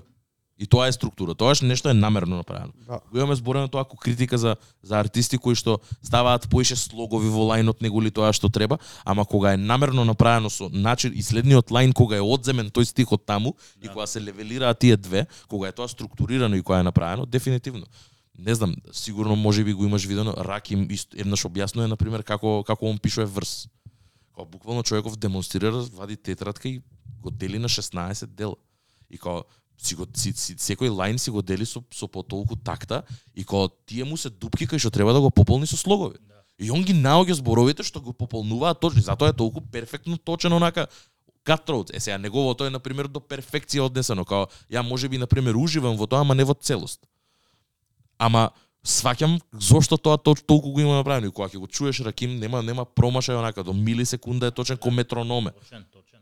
И на пример тоа го сваќам, ама тоа е едната, тоа е едната на пример она а, на спектарот Крајност. ед, да, едната екстрема и другата е на пример каде што не знаеш ти сам не се чувствуваш дека додаваш уште толку поише и дека го гушиш на еден начин и битот и твојот и, и твојата строфа ја гушиш. Структурирање, брат, значи реченицата која не ја структурираш правилно, кога допишуваш повеќе зборови, треба да се бркаш со нив уствари. Така, Значи луѓето не сваќаат, снимаш рап, ти треба да си комотен со тоа, не да се апсолутно. Брат, сега песнава. Леле. Шо леле, бе, сваќаш. Како се чувствуваш за за помладиве македонски артисти на пример? Дали а, за како се чувствуваш за соработки на пример за Со сите би бе што се добри, зошто да не? Апсолутно. што значи добар на пример според тебе? Кој е кој е е стандардот за да може да да да вака? добар. Не кој е, што е добар на Што пример? Што го прави добар артист? Што, го би требало на пример за некој да може да ти рич аутне на пример за да се деси нешто? Добар артист го прави тој што има структура, структура на песна. Um, брат, Бидејќи знам на пример конкретно нашиот човек Максимус Вандал исто така на проектов. да. Он е на пример еден од помладите кои што ете, и Билка и нас на Пандамониум го знаеме, сме го збореле. многу потенцијал. Го гледав, го гледав, ја, ја уживо го гледав и на земјотрес. Човекот блика од енергија, многу е добар и, например, Му треба фокус на него малку и може да биде многу добар. што, што е тоа, например, што те привлече кај него, кај, кај, кај Вандалот? А, млад артист што треба да му се дае пуш, онака конкретно. Што мислам дека би можел да направи срања брат ако се фокусира на Али кој момент од неговата од неговото творештво ти се свија? Па ми се свија енергијата брат, ми се свија. Дефинитивно. Тоа Таа има многу. млада лачка, ај кика. Да, да, да, го има тоа, го има тоа. вишок многу. на енергија, тоа тоа. тоа пука брат. Треба, треба да да пука енергија за да си рапер, јеби ga. Да, Апсолутно. Да, Шарот Треба- нашиот човек. Дом, да доминираш на сцената, сваѓаш, излезеш и да доминираш треба. Ја има таа таа звезда и треба да си поработи на крафтот, тоа доаѓа со време, ама меѓутоа го пратам, кој што бе пратам сите копилиња. Значи, гледам дека снима цело време, брат, ме разбираш, така да тоа ќе си дое со време. Ја видов станемуше малце на албумот. Како ги одбра другиве гостувања, брат. Имаме Духот, Бруз, Елди Пистолеро, Алфа, 12 Лагуне, Кискин, нашиот човек исто. Колку и така. да се слични и сродни, пак се различни меѓу себе. Па се. Се, Различно е, брат. се, се различни. Сродни се, ама различни се, тоа сакав да кажам. Како ги одбра? Зашто тие? Па според саундот на, на, на песната, според... И сакав малку off the box да, да направам некои гостувања. Со, со духот немавме направено ствар, например, ме разбираш. Неговиот албум Лов на човек ми е врв. Значи многу добро што го направи тоа. Дури и сега, требаше многу порано да го направи. Добро што го направија сега. Нов звук. Така да филм ми беше со него да трака. Со Кискинов сум немал трака исто на албум. Бвана из Лагуне ми е хоуми, разбираш. Он беше на концертот? Да. Оваа ствар од до ми беше ептем која правев ко црно-бело, ме разбираш, и викам, тоа за Вана е тука измислен, сваѓаш. Um, Алфонс природно онака исто сакав да ми гостува на албум. Максимус Вандал, Вандал исто енергија, онака буквално ги осетив а, по по филм кој каде би можел да легне убаво. Доктор Дре Комптон бе брат, ме разбираш, саундтрек правам онака. Добро, трајче го интересираше. Која, да, која, која, е причината што се стајани Kanye West, MF Doom, као онака како Кање Уест и МФ Дум. Кање ми беше филм, брат. Општо ликовите кои што се стајани, Да, значи да. имаш ти МК артисти и ги имаш Има. овие странски. Која е причината ми дека беше, рентот ми е многу добар, Кање која рента ми е многу јако, брат. Off the Mets која е? Да, бе, пер, која рента, се цело време офтомец, ме разбираш. Кање е еден од најталентираните продуценти на денешницава, брат. Реално. Тоа доктор Дре, тоа све, тоа е гола вода, реално, тоа што Кање може да го направи. И сега, неговите ренци ми се многу добри. Ја правев песна, ако ќе ја направив левел, ама за биде God level, фалеше таков некој психо момент, ме разбираш и ми падна ова на ум, го семплоев, го ставив и дое така и викам, тоа е тоа јебот. Тој Jesus момент. Да. Ајме в Дум? А MF Doom, брат, па MF Doom морал да го испоштуем реално. Пошто го спомнуваше Виктор Вон, го спомнуваш низ албумот ти. Ка, аутрото го кажува на, Да. на LOL. Way, way, back in the days, that's true. Тоа е, таму е он семплуван и цела песна имам посветено на него, која што е напишана и рецитирана во негов стил, ако може да приметите, ако знаете. Мислам, тоа ми е трака што е напишана у MF Doom стил, не е Така. класично Jacka Delivery. Тоа е, сакав да напишам MF Doom трака. Да, да, е- да, ем- да емулираш неговата енергија. Тоа го направив, мис, мислам. Значи, Така. Ја MF Doom Mood FM. ја немам слушано МФ Дум, али таа песна ми се свиѓа ми Да, да, на да. хайлайт Е, е добра, албум. е добра. Е добра. Ја одма го осетив тоа и као се задржав плюс името мислам беше уште еден хинт за за се до тоа. Ама добро е, пошто не знам, се сметам, мислам, не би рекол дека сум онака ептен изгорен фан, ама се сметам за фан на на MF Да, Doom MF и Doom беше многу со сите онака... негови алтер его со онака и имаме зборено на Пандамониум на повеќе пати за него и за неговата уметност, ама мило ми е дека уште еден фелоу MF Doom онака пошташ кај што Да. стигаш до момент кај што и си пробал да емулираш на еден начин енергија за да му одееш и почит предпоставувам. Апсолутно. Значи, многу јак MC, тоа што има направено, тоа што има оставено, тоа правецот негов, римувањето, брат, е птем онака, спешл. Така да, Дефинитивно, 'Ради тој филм. Кажи ми кои се раперите што ги прозиваш на албумов? Дали се постари, дали се помлади, дали се од Про- новата генерација, прозивам- дали се дали онака замислени Замислени противници? Да, би- бидејќи, тоа ми е интересно како, не не, како и- еве денес од 2022 година пак збориш за раперите дека се слаби, дека стилот им излиден, дека идат ов Си- бит, дека не знам. Блевко бивш легијаш со лошо газа? Имам кажу, имам една лирика така. Добро, Па не знам. у драма не влагаме, него за другиве рапери што За другиве рапери, брат, имаше некои повици за помош, кои што ти кажам, слушам. И брат, повиците за помош онака више го имаш оној момент од не ми обрнува внимание мама, до кршам ја све низ дома, ме разбираш, и онака буквално треба влечење за, за уши и шамар.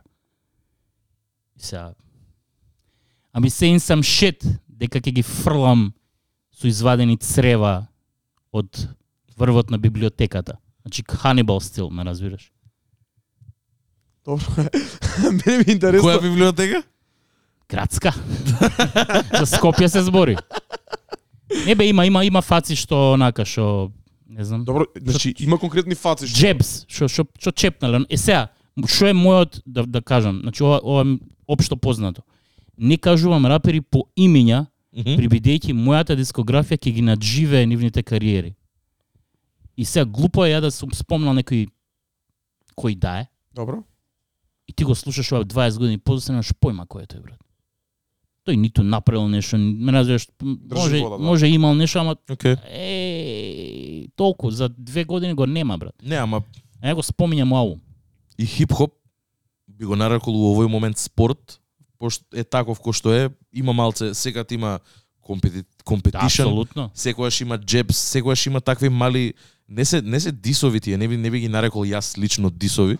Поише би ги нарекол кој што кажа джебс, онака Да, да, удари да. мали кои што даваат една доза на не знам, на интрига, као лајнот, чекај ќе ќе ти влезе увак, па ќе го вратиш назад, па ќе видиш, ќе чуеш, ќе пробаш да Може за сватиш. некој, може не е бе брат. Така да така, тоа има има интрига. Има интрига. Мене ми е пуша дека го слушам албумов и сега Ама треба да се слуша со пажње. перспектива на Жакат 2022 година живее во странство. И има копилиња што мислат дека го измислиле срањето. Ја не, не викам дека јас сум го измислил, има копилиња што мислат дека го измислиле срањето и што гледам, ги Значи, гледам и уште ги слушам, те- разбираш. Уште те те допира онака тоа. Па брат, Дури и од Полска.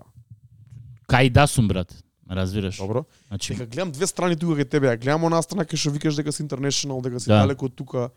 Дека А си сепак- задоволен, задоволен си кај си сега. И тоа го имаш дженеме, ама не е нем, Да. а не дж, дека иако сум далеко, пратам Така. за Скопје, ми се плача брат, ме разбираш. Значи, тоа Рај, ама и не рај, да. имам, не ги имам Кој- двете страни да, тука, да. дека од, од една страна те осеќам дека си Да. више над ова, ама од друга страна пак Сакаш тука да си, да. им кажуваш на ти успат нешто.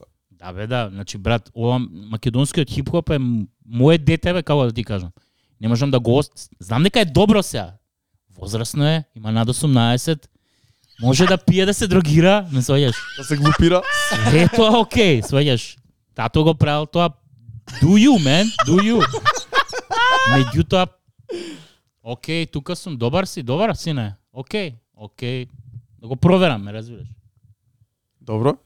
Се Не сум чувствуваш ја, брат. малце елитистички кон тоа, на пример, онака? Кон хип-хоп од македонската сцена? Па елитистички, не елитистички, меѓутоа, еве конкретно ќе кажам, чисто околина ништо немаат направено за македонскиот хип-хоп. Освен тоа една касета што направиле. Ја можам да Ниту организиле журка, ниту на млади луѓе им дале прапс, ниту викале некој, ниту продуцира. Ништо не направиле. Значи тоа за мене не е градење сцена, брат. Да, ја ги поштојам ко И ја ги поштем Она све супер пионери, има, да, меѓутоа да. они за градење на сцената не ја граделе, ме разбираш. Јас сум бил активен во градење на оваа сцена. И тоа кога кажам кој е моје дете, апсолутно е моје дете. така. Не можам да зборам за тоа бидејќи сум многу млад за тоа, ама има други случаи кај што ние двајца сме збореле Да, да. за од нашава генерација а, диџеи, луѓе, ликови, некој што можеби не правил музика е побитен за градење на сцената од некој артист што има најголем хит можеби. Од таа година Така или е, брат. или слично. Гоце Сафија гради сцената, брат, ме разбираш? И уште ја гради.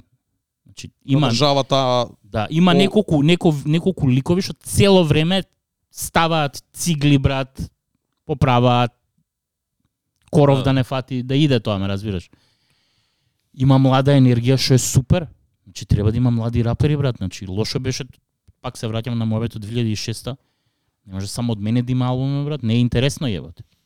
Тоа го збориме ние. Тоа го збориме. И уште фали, мене уште ми фали. Мене Треба уште да ми има фали. многу поише. Нас ни фала тоа ние малце по прогресивни, по нови, по нов стил. Бар мене ми фалат повеќе тие што би ја буткале сцената уште напред и што би го правеле Ама. тоа на многу повисоко ниво и по квалитетно ниво. Ајде, нека дојдат нека го направат. Не, ја не можам се да правам. Знаеш, го правам тоа што го правам.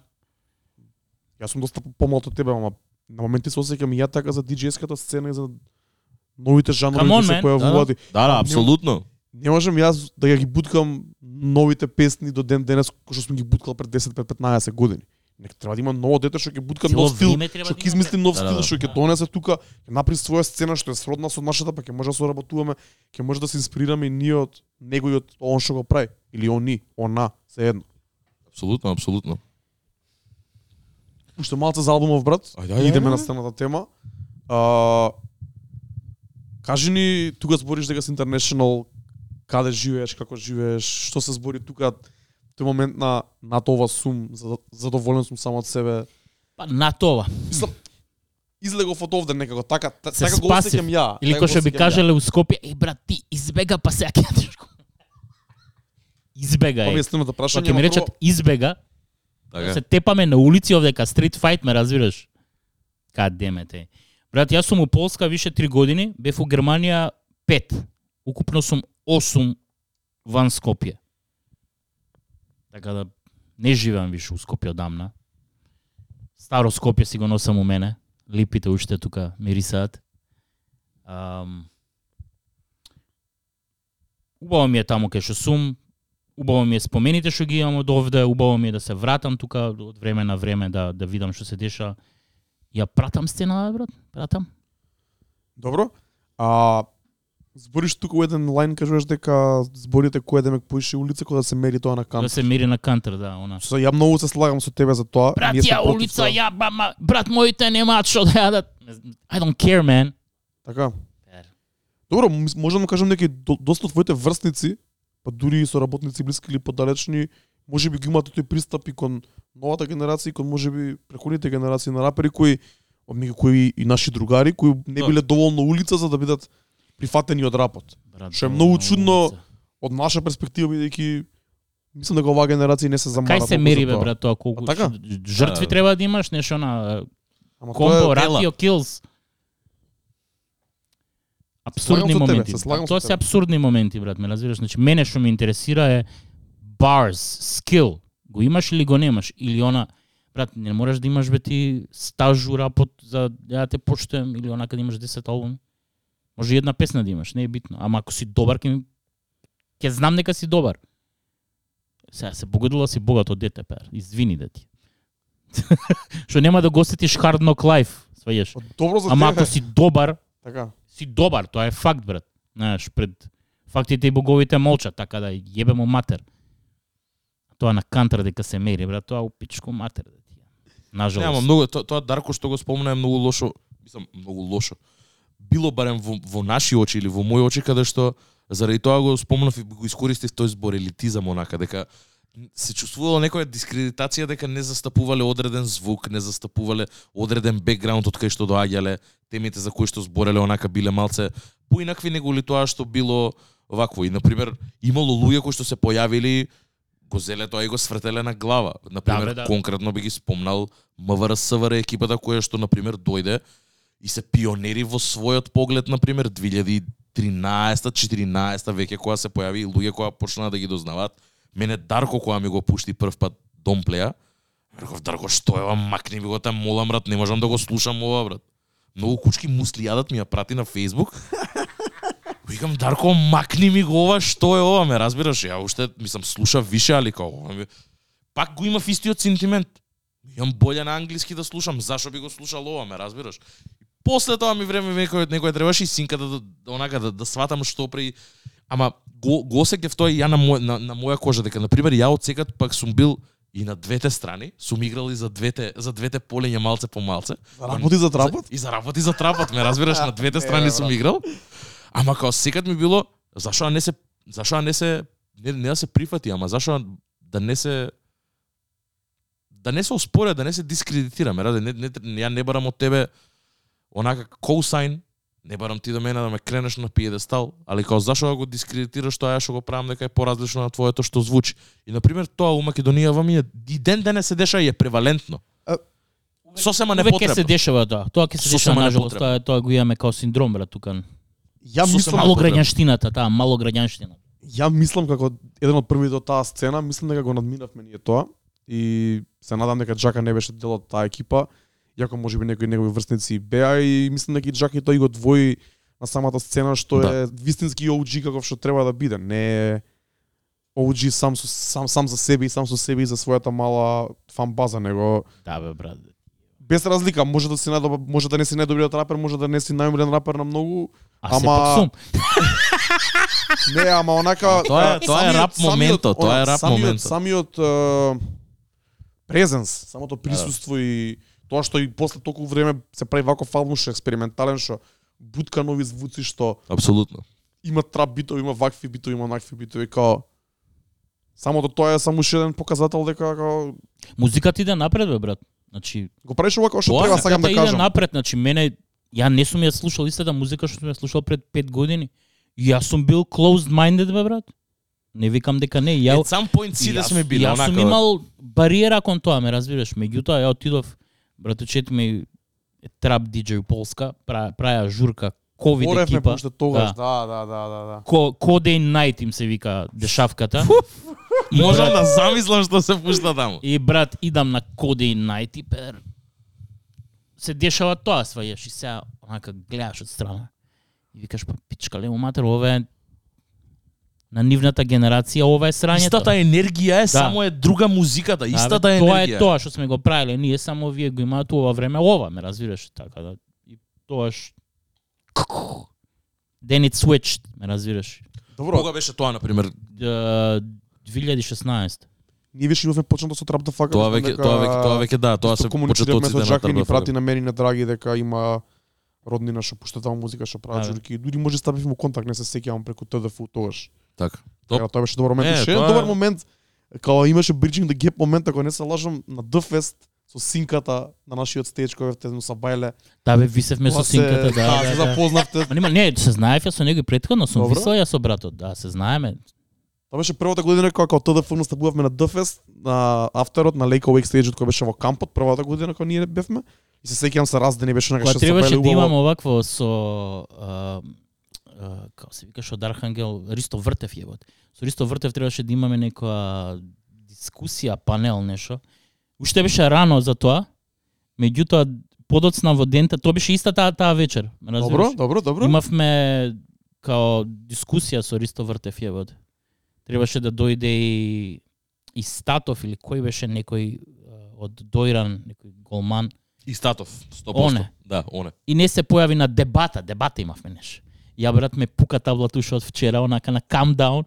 Доаѓам, ба, брат, кај е тој Ристо?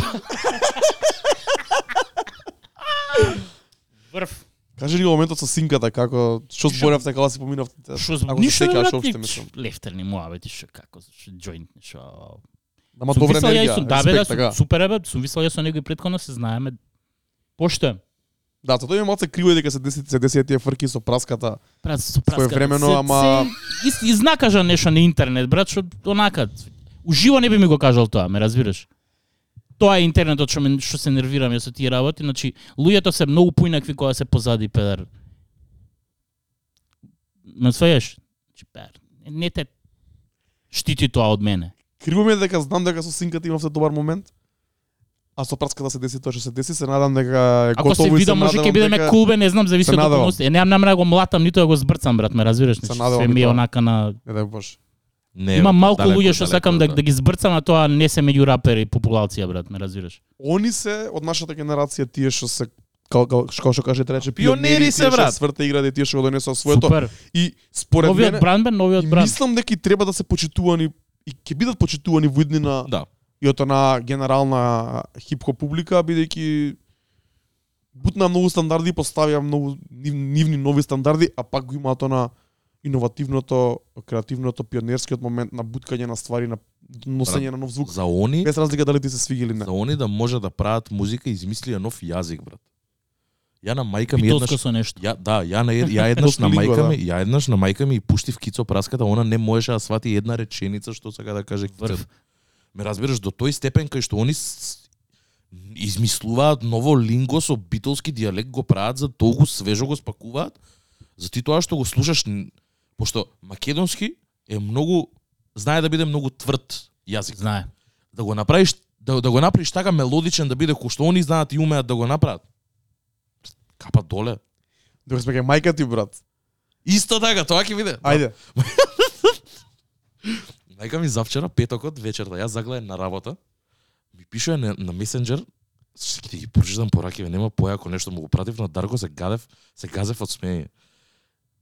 Кој е тај джака накот бате? Инаку јас сум по потекло од Радовиш, живеам овде 14-15 години. Врв. Кој е тај кој е тај на- джака накот, брате? Ми Вика, хип-хоп, пеел, гледам слики у МКЦ концерт. Ти како да го пропушташ? Значи мајка му знае. Ова е 9 Врв. вечер, ме разбираш? Мајка ми ги гледа лайв сторињата од МКЦ и само ги пишувам хаха хаха, знам бе, викам, ама не можев да идам. У, у понеделник ни е гостин на подкастот. и ми става хаха реект. Викам, знам како да не го знам. Ајде бе ми вика. Врв. Да, да, да, тоа беше предобар момент. Му Викам на Дарко скриншот, викам ова, викам ќе биде викам каверот за за епизодата од мајка ми мабето. Го знаеш кој е тај кој е тај джака накот бе? Врв. Тај сам. Тај сам, да, да. О, а Поште. The craziest shit, да, дефинитивно. Знаеш, тоа е тоа е добро, брат. Тоа е заради тоа постоиме, го збориме тоа, можеби и се повторуваме веќе, али тоа го збориме со секој гост. Многу ми е мило кога ќе имаме ваков bridging the gap момент, онака. Стварно, у Македонијава не се дешаваат ствариве, не се даваат доволно цвеќиња на, на луѓе кои што треба да им се дадат, се дискредитираат многу артисти за многу Се. мали работи, постојат такви old grudges небитни кон луѓе, а, не се отворени кон тоа.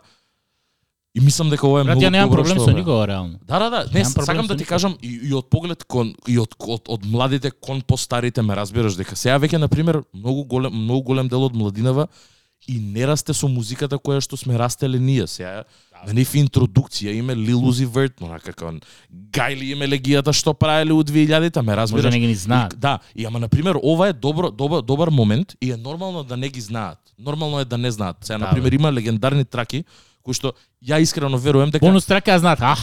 Не, не, не, бонус трага сега го е знаат и треба да се знае. Има такви неколку песни у Македонијава кои што стварно треба да се знаат. Тие се култ класикс. Тоа е исто кој да не знаеш Scarface да немаш гледано или не знам The Godfather да немаш гледано, уште толку поеш. Онака тоа се тоа се некои такви моменти кои што тие траки мора да ги знаеш. Треба да ги знаеш. Ако си хип-хоп фан, мораш да ги знаеш. Ја верувам, исто така сум голем онака зборник за тоа, ја пред се сум фан на хип-хоп култура. Ја никако ни ја ова ми е можеби единствениот придонес на хип-хоп културата. Толку. Јас сум човек кој што сага музика, кој што слуша премногу музика, кој што еве на еден начин сам со Дарко покрај Дарко си имал оформено своја платформа за да си дава свое мислење да збори, да можам тебе да те викнам да направиме муабет. Инаку, беа ти овој момент можеби никогаш немаше да го имаме. Ме разбираш, џабе, без разлика.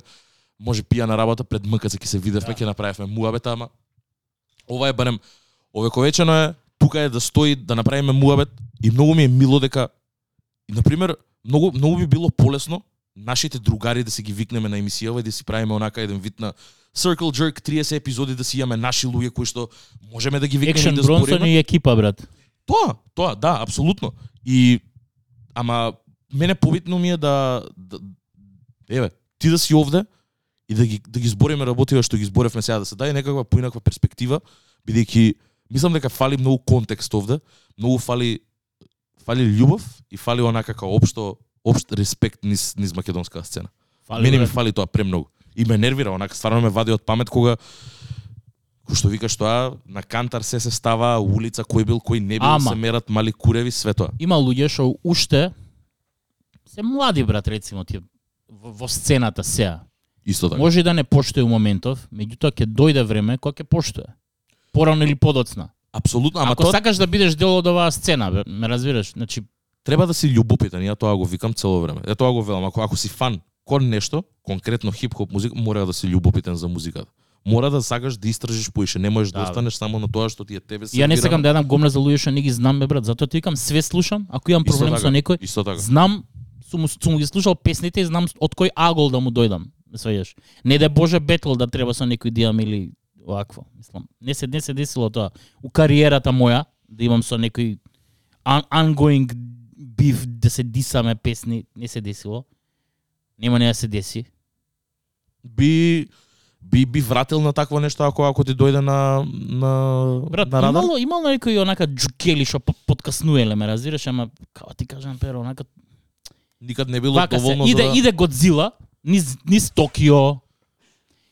И сега, што да му каже Годзила на Джандаро да брат, што пука од оздола, со пиштол. Што да му каже Годзила? Те технички пука кон него, да. Меѓутоа, што? така го и поистоветуваш Така, тоа. така го гледам тоа некако, ме разбираш, значи Еј, толку. Сваѓаш, нема килшот, нема тука песна да направам против тебе, мислам, што? Да ти уништам кариерата, што немаш? Сваѓаш, или да ти ја направам таа лекција од KRS-One, не им прави кариери на луѓе што ги немаат, брат. Земам да дисувам некој што не постои, може ќе почне да постои. Точно е, брат. Фер, фер, фер. Оджи ток е тоа, реално. Не, те, не ти давам бе 2 cents, 5 cents, не ти ги давам, брат, не те игнорирам. You just don't exist. Не постоиш.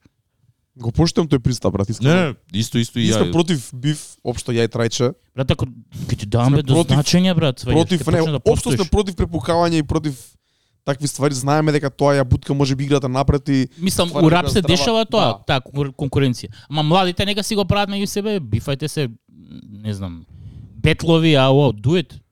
Мене пуши ми се сега моментот, брат, кај тебе што има тој револуционерен, малце побунтовен момент што Цело време тоа тоа е цело време низ, беше- твојата кариера е проминентно. Тоа го зборам ушто тоа што излезе брат и ода на гадоста, дури сега има Савчера момент ја слушав ода на гадоста со брат ми и ми ја пуштав нај на на братучет ми има 18 години, ода на гадоста му ја Да, пуштам тоа беше во слушај, најгадното да, време на- Да, да, да. на ВМРО на тие ствари и ретко кој збореше против Ретко тоа. кој збореше. Ретко Чака кој збореше против тоа. И, И за тоа беше уште тогаш Outlawed. Да, да. Знаеш дека бев забранет сегде да со јавно. тоа? Сегде да настапувам јавно, ВМРО ме забранија јавни установи што имаат Имам слушнато за тоа. Било каде Тоа беше пари што реално? има, да, реално. Мислиш, Пари што има пуштено. Знаеш да кажеш, у МКЦ не можеш да настапуваш, или не можеш ни на приватни концерти, фестивали. фестивали све сегде кај што имаат власта кај што има умешано Мешано прст. прсти, да. МКЦ може пошто МКЦ беше онака по уште е. Тогаш беше? И тогаш иако нивни човек беше брат, МКЦ најпрофесионално си си игра како институција, ме разбираш? Тоа што го прават и до ден денеска. Се држат на страна од тие работи. Меѓутоа, еве, град Скопје прави нешто. Мене нема ме видиш таму. Нова година на град Дали Скопје се или дешава- Пастормелијада или шо и да е. Пивофест, Пивофест било. Прилеп, Ме да, нема. да, да. Што со декрет е забрането, Джака Накот не смее да настапи тука, ме разбираш? Ја настапував само на онакви неформални, невладини, бунт на студенти, кај што може, ме разбираш? You fucking with my bread and butter, motherfucker. Ме сваѓаш, мене ми тоа се деси тоа. праска да ве прави исти со он шоу што имаше, да има и трето дете. Не брат, ама реално. Ама и он имаше еден таков мал, момент, мал момент. Не беше кода на гадоста, не ги текнува, ми двете. Не ги споредуваме Брат, двете. ама, ама јас споредувам, да, управо си и они беа едни од ретките што тоа време Да. така слободно го зборат тоа. Додека многу рапери Ја бев малце што требаше да бидат, извини, што требаше да бидат вашата, да речем, млада генерација, едни на едни на во рапот, па дури и сега сегашно тогаш го збореа тоа многу индиректно, преку многу метафори, многу меко некако без доволно Како храброст. у ќе животот, бе, брат, ја у животот сум бил човек што не можел да преќути, ме разбираш. Кој да е, шо и да е, сваѓаш. И сега Мене ед- едно од омилените музичари ми е Нина Симон, брат. Нина Симон си ја спалила кариерата само за да си го каже своето страње, пошто било е, со движењето он афроамериканско тоа време бил Black Panther movement, било многу зебано и она ја спалила кариерата буквално само за да да пренесе пораката, брат, ме разбираш. Така да може јас сум си ја спалил технички кариерата своја тука бе брат, меѓутоа сум си го кажал своето, ме разбираш.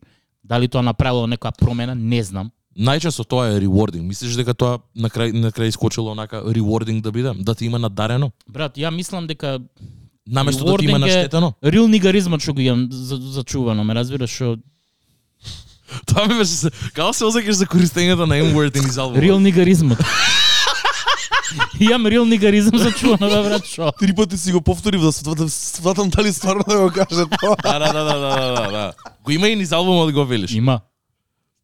Намерно е у кој контекст е кажано тоа? контекст е, брат, Ја Мислам, предпоставам свејаш. дека не, не е унавредлив контекст, не е... С крај Kao да никогаш никогаш апсолутно не би навредил ни, ниту етничка група, ниту боја на кожа, уште помалку брат или не знам LGBT или whatever. Love, peace and happiness, сите треба да освен политичарите, не би ги навредил. Инаку не, апсолутно. Со се со сета почит, мислам, кој ми е другиот еквивалент на real нигаризам, не можам да ти кажам ја вистинско човеко срањето, не знам. Не, ако, ама тоа заборев пред како зборевме за ова да го прашам, пошто приметив на неколку моменти низ албумот го има го има да N-word Сам и као- свој нига славјански циган. Фали, Да. Фамилија имам од Скопје до Рига. Да. Тоа на интрото не е? Да. Тоа е на интрото. Така влага на албумот, така се отвара Сам албумот. свој нига славјански циган, брат. На е. драмлес бит кажано онака, Casual. casual, да, casual. Dropping the N-bomb. Да. Инаку да се надоврзам на тоа што го кажа ти, во тој период ја памтам и тоаш беше моментот кога се појавија Матеј Фолц и Зибом, ама де- дечките беа ептен мали 14-15 години. А, Матеј Фолц уште не беше Матеј Фолц, имаше некое друго име, не ме сваќа сега за, за збор. Он им- Не, не, он, он, бе, он беше посебен. Од секад биле Зибомп и Матеј Фолц посебен. Матеј Фолц имаше една песна, каде што буквално е снимено пред Скопје 2014, каде што збори.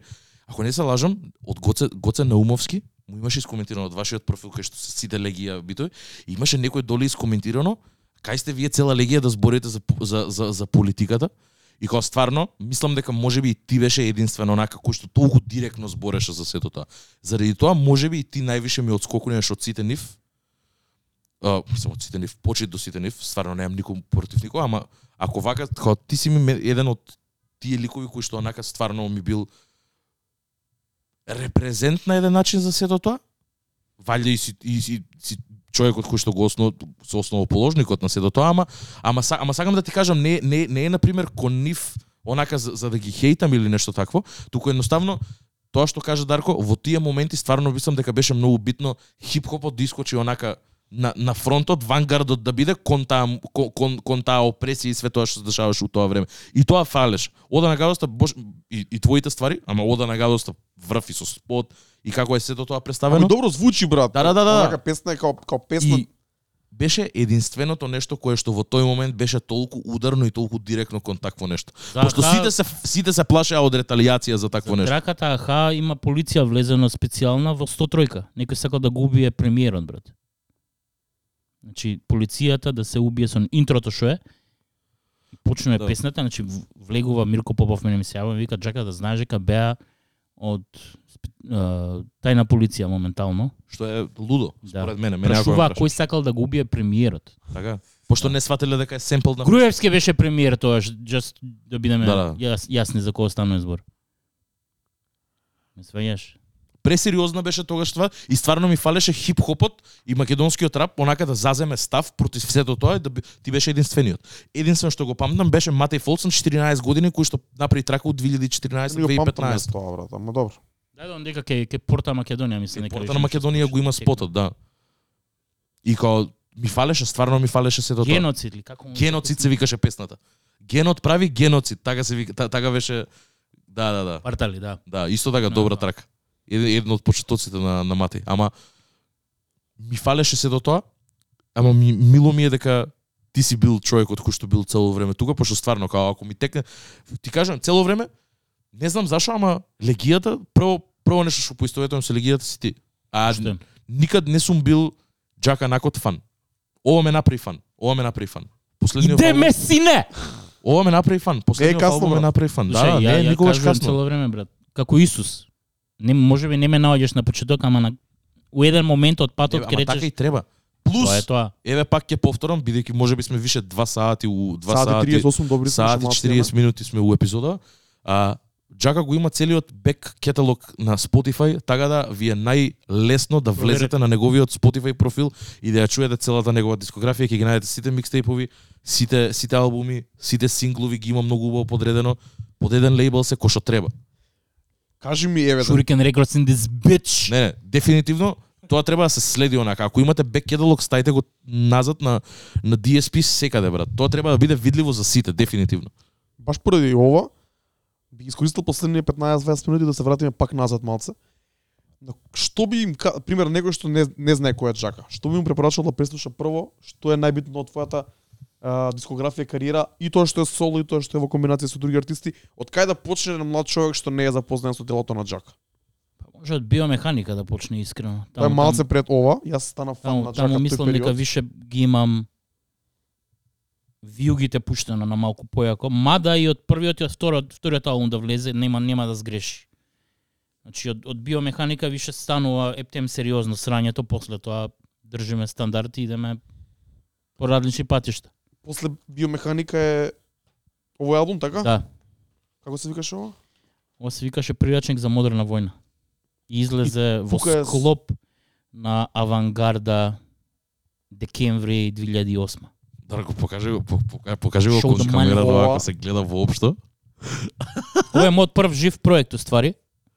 Значи, албумов е работен, еј, значи убацив леле. Албумов е работен со живи музичари, Баге на, на, на драмс, Ади е на, на гитара, Петар Лукич е на клавиатура и Слонот Смате на бас. Така да, ова е првиот жив хип-хоп албум, може да се каже, Така? технички, па со, со бенд, може да се каже дека ова е првиот Во албум цело, со- целата продукција е Све е со во- бенд. Све е со бенд. Има две траки што се само еден едната е семпл и другата е плюс семпл. Меѓутоа ре, релативно све е со со со бенд направено. Со со бубњеви, Не, не. со Мене ова ме отфрли са кога кога влеговме у студио, мислам денес, кога го видов и целиот начин многу ја, ја не ни знаев дека авангард постои, кажав ја дојдов у Скопје постоеше многу 2000 кратко време, брат. 2009 година, така да Може и тоа било више Уау проведено. биле, да. И тоаш, не, ама и тоаш рачуње сум бил ја детиште кој што тек сега го упознаа Скопје. Сум бил од Радовиш, сум дошол затворен у приватен интернат у Бутел 1, ме разбираш, кога центар прв пат дознав кога е второ полугодие кога искочив со 50 дница да се прошетам до Врв. до, до Скопје ме разбираш, тоа ми беше Хоризонтот. Мене, да, тоа ми беше тоа ми беше мене, ама ова е ова е многу добро, ова е legendary shit онака. Не брат, како 50 денари плюс Дарко, морам да напоменам Дарко дека го има искинато, го има искинато целиот и само го има земено каверот од а, од списанието и на Джака интервјуто. И ден денес стои. Ова е 2008 Hell yeah. година, денес е 2023 година. Hell yeah. Се збори за YouTube, за MySpace, MySpace. да. А, YouTube таму има две години, иначе. YouTube е 2006 година. Да. YouTube е 2006 YouTube ја смени играта. Да. Особено рап Как, играта. како, како во тоа време, на пример, што значеше YouTube кога се појави? Ја смени играта, дознаев- брат. ко- Кога дознавте за вас и на пример за спотови, за све тоа? Смени играта, брат.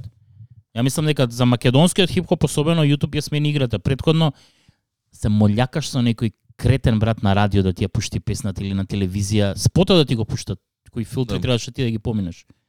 Не разбираш? Пошто на пример пред YouTube кој е да мотивот, стоиме. кој е мотивот да снимаш спот? тука да стоиме, да. Ова оваа ера, тука 2006 до 2010 не. Кој е мотивот да снимаш спот пред YouTube? Мотивот да снимаш спот пред YouTube, па треба бе македонски рап спотови да си има, брат. Многу е тешко да се снима у тоа чекај, време. Ти се снимаш спот и како го пласираш? Кои се тие телевизии, како како стигаш до уредниците? е. Дали го носиш на CD, на касета? Го носам, брат, зав- зависи на шо формат е. CD може и на CD. На CD најверојатно. Може и на CD и на па може и на касета. Касета не ми се веројатно, може да е многу старо. На CD најверојатно во дигитален Идеш бе формат. брат у идеш, идеш у Сител, Добро. идеш у Телма. Ком, кому пристапуваш? имаш имаш некој човек што го знаеш, дали знаеш некоја техника, дали имаш познаник некој, ако не знаеш, ќе најдеш човек што знае за да доеш до уредник главен. И сега, ако имаат музичка емисија, може ќе ти го пуштат спотот, ако немаат, може би ќе го пуштат таму некаде. Па немаш бе кај да пласираш музика? Па тоа, тоа, тоа, тоа ме Радијата, кој ќе ти го пушти тебе тоа срање бе? Кој ќе ти пушти тебе? Освен 103, кој радио ќе пушти? Тоа сто тройка највечер предпоставувам. Не, 103 цепаа цело време. Нема они некој филтер околу. И мафија на А цензура 103 за клин верзии, за за пцуење или немаш? па реално ние искусни рапери знаевме дека ако има брат нешто срање дека нема да, да лета уопште, Добро. така да више ги имавме исцензурирано песните да речеме, тие што требаше да идат на радио. Добро. Че беа спремни за, за телевизија сподовите исто. Um, Као ти кажам, пукаш у празно, брат. Не знаеш дали ќе излезе нешто или нема. Дури мислам дека сега во, во денешен ден со YouTube исто така пукаш у празно. Дефинитивно. Бидејќи сега пак има Дефинитивно. обратното, сега ти песната ти е и во јавност, ама никаде не стига. Многу ја тука е има. сега другата крајност, Да. кај што се е аут, а ништо не е до самиот слушател стигнато. Апсолутно. Треба да копа. Да, да, да. да копа- Алгоритмот работи против тебе во да тој копа момент. нема како да стигне, брат. Треба Нема да буквално само само само да напише Треба твоето директно- име и треба песната директно да. да, има Да. контакт, зборам за некој ептен почетник рапер. Почетник артист општо која само ја закачува својата песна на YouTube и нема друг начин на Рич бе, рич нема. пласман и промоција. На ролаут го викам ја и треч. Као Бе, најдоа начин како да ги затворат каналите, исто и, и Facebook, и Instagram. Најдоа начин како да ти ги... Еј, брат, сакаш рич да имаш, тоа што порано се правеше органски, Добро. ке пуштиш, брат, и имаш, не знам, 10.000, 20.000 го виделе, сега ти алгоритмот ти крати, викај, чекам малце, што прави овој? Ајде тука малце пари ке даеш ти за ова. да. Пари ке даеш. Затоа мислам дека можеби на почетоците и е добро, беше добро се тоа што се случуваше со YouTube и со тие free downloads на македонската музика и на македонската сцена, така и ние како деца слушавме цветот Да, на светот и такви ствари и првите проекти на легијата на СТР2 и слично.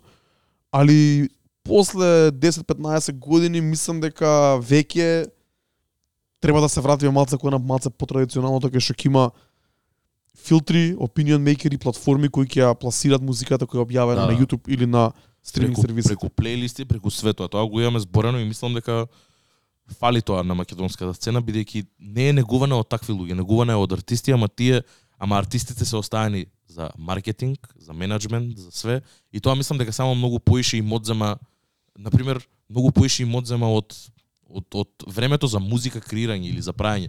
Фокус им одзема. Како не бе, брат? Им одзема фокус и тоа е многу битно. Фокусот е најбитен во правење, не, у правење све.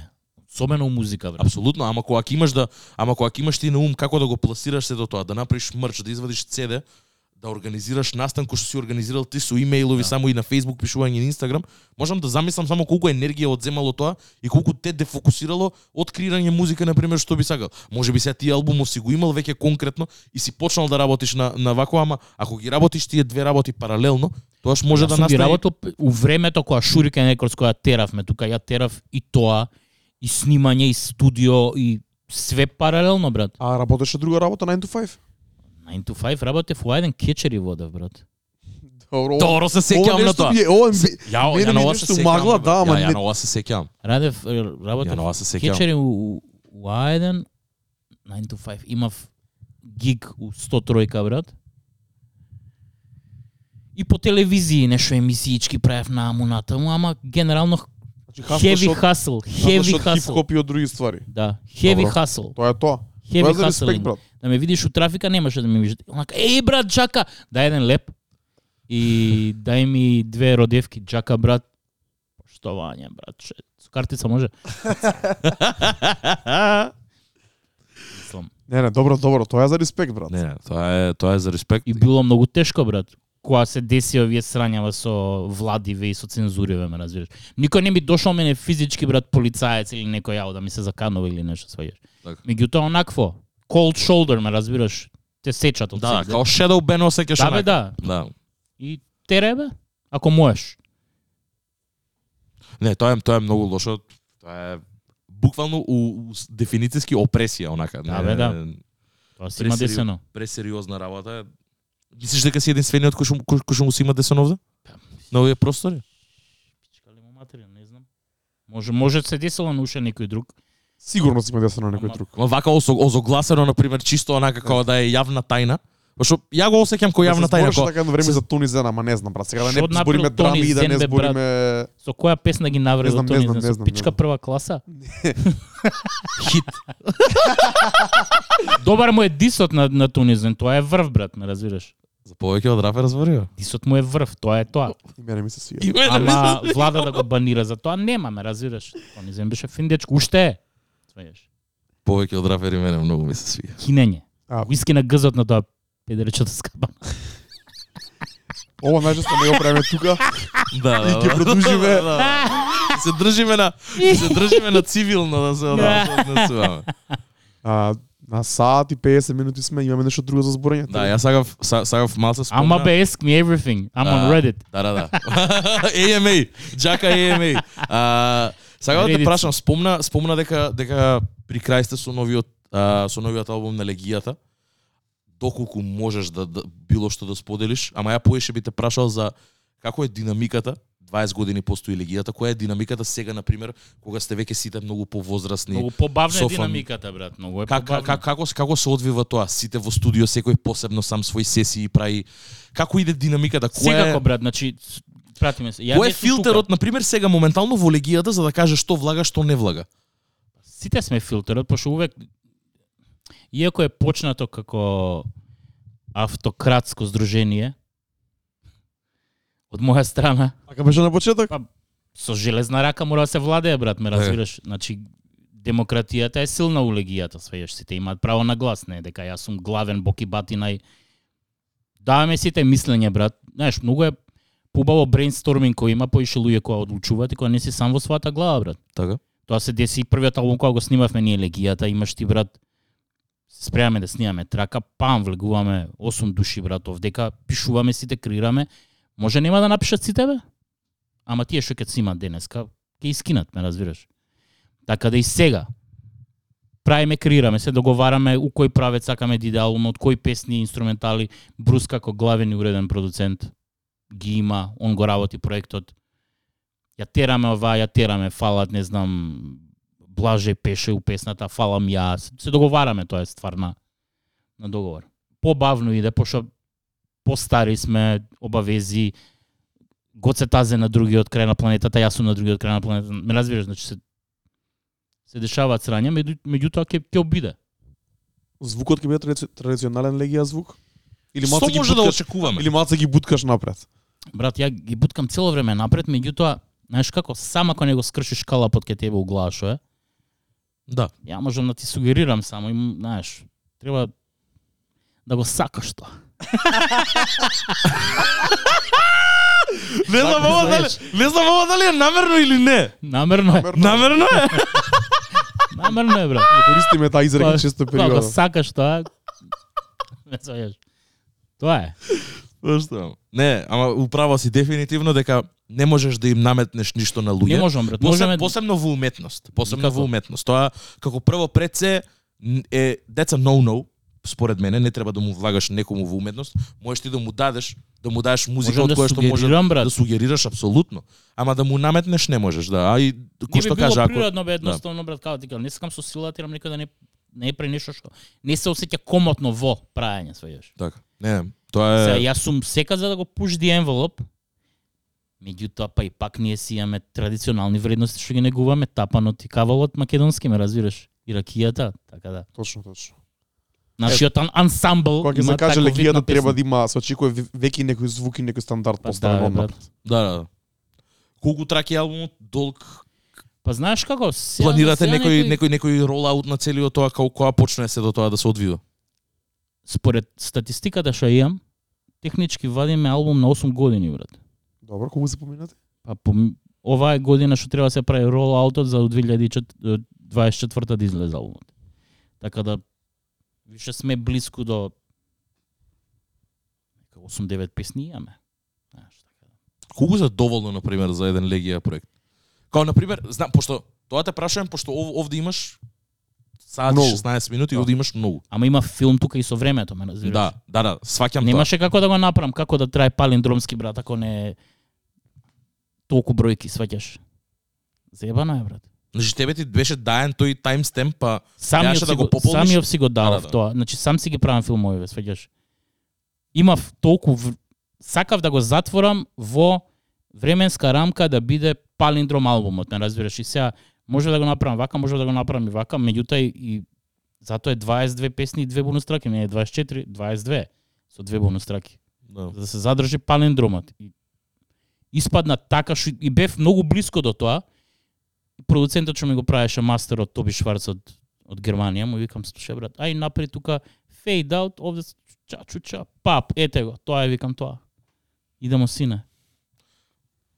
Добро, во споредба со легијата на пример, дали мислиш дека у смисла кој би тре, ко- колку би требало да биде а, може да трае помалку, може пола саат да трае, не е не е ни прв, не е ни задни албум, разбираш. Така. Работата е да да звучи тоа компактно, да да пораката да пренесеме што сакаме. Така да.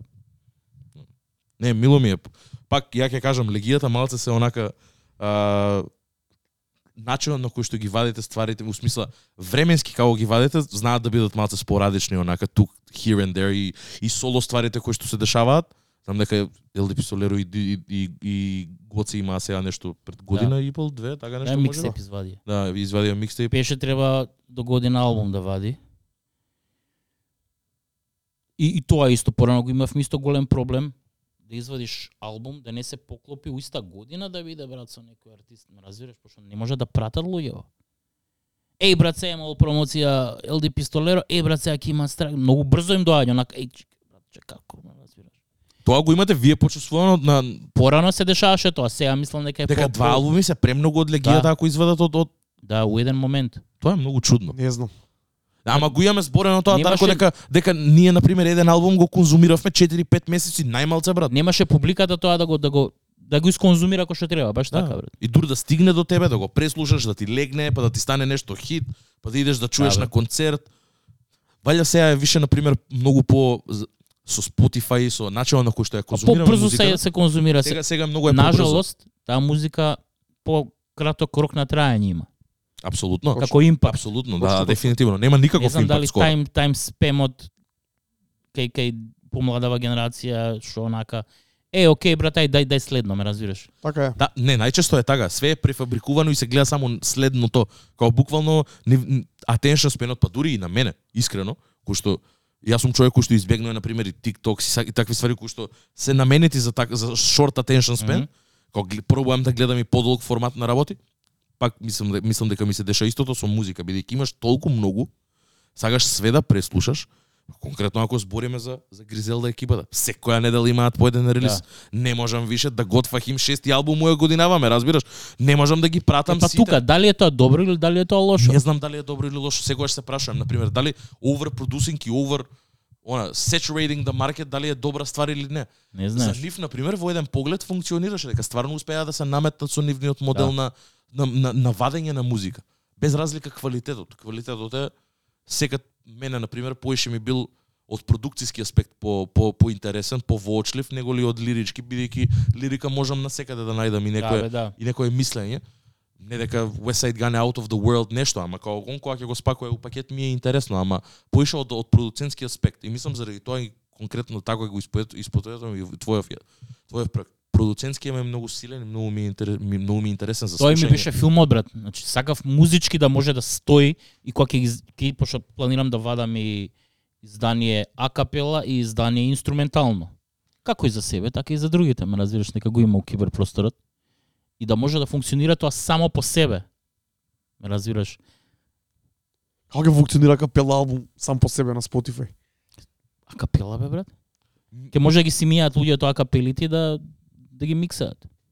Пошто ако Тоа тоа тоа, тоа ти тоа ти е планот. да, Мислам ја тоа тоа би било добро. Ја ја и Дарко го И на тоа. Spotify и на Amazon сегде иде тоа брат, ме разбираш, може да си ја симнеш те капелот да си правиш микс или whatever, скреч. Не, тоа е добро. Види, тоа е добро. Тоа е добро дека им даваш опција на луѓето. Им даваш опција на луѓето што сакаат да нека прават со музиката. Spoken word бе брат, не знам, слушај го као аудио книга јебот. Не знам, или инструменталот слушај го само. Ако излезе ова може да го пуштам да го осетам само како како Сериозно? Нема на крајот на денот можеби некој диџеј ќе се инспирира, ќе направи некаков микс, ќе направи нешто Медли бе, whatever, или било како да. ремиксувај, прај. It's out there, man. Таму е. Да, it. е на крајот на денот ти да го пласираш само Да, и бе, да ја им ќе го ви дам. да им го да им го дадеш на луѓето, да да. Не, поштојам тоа. Интересно.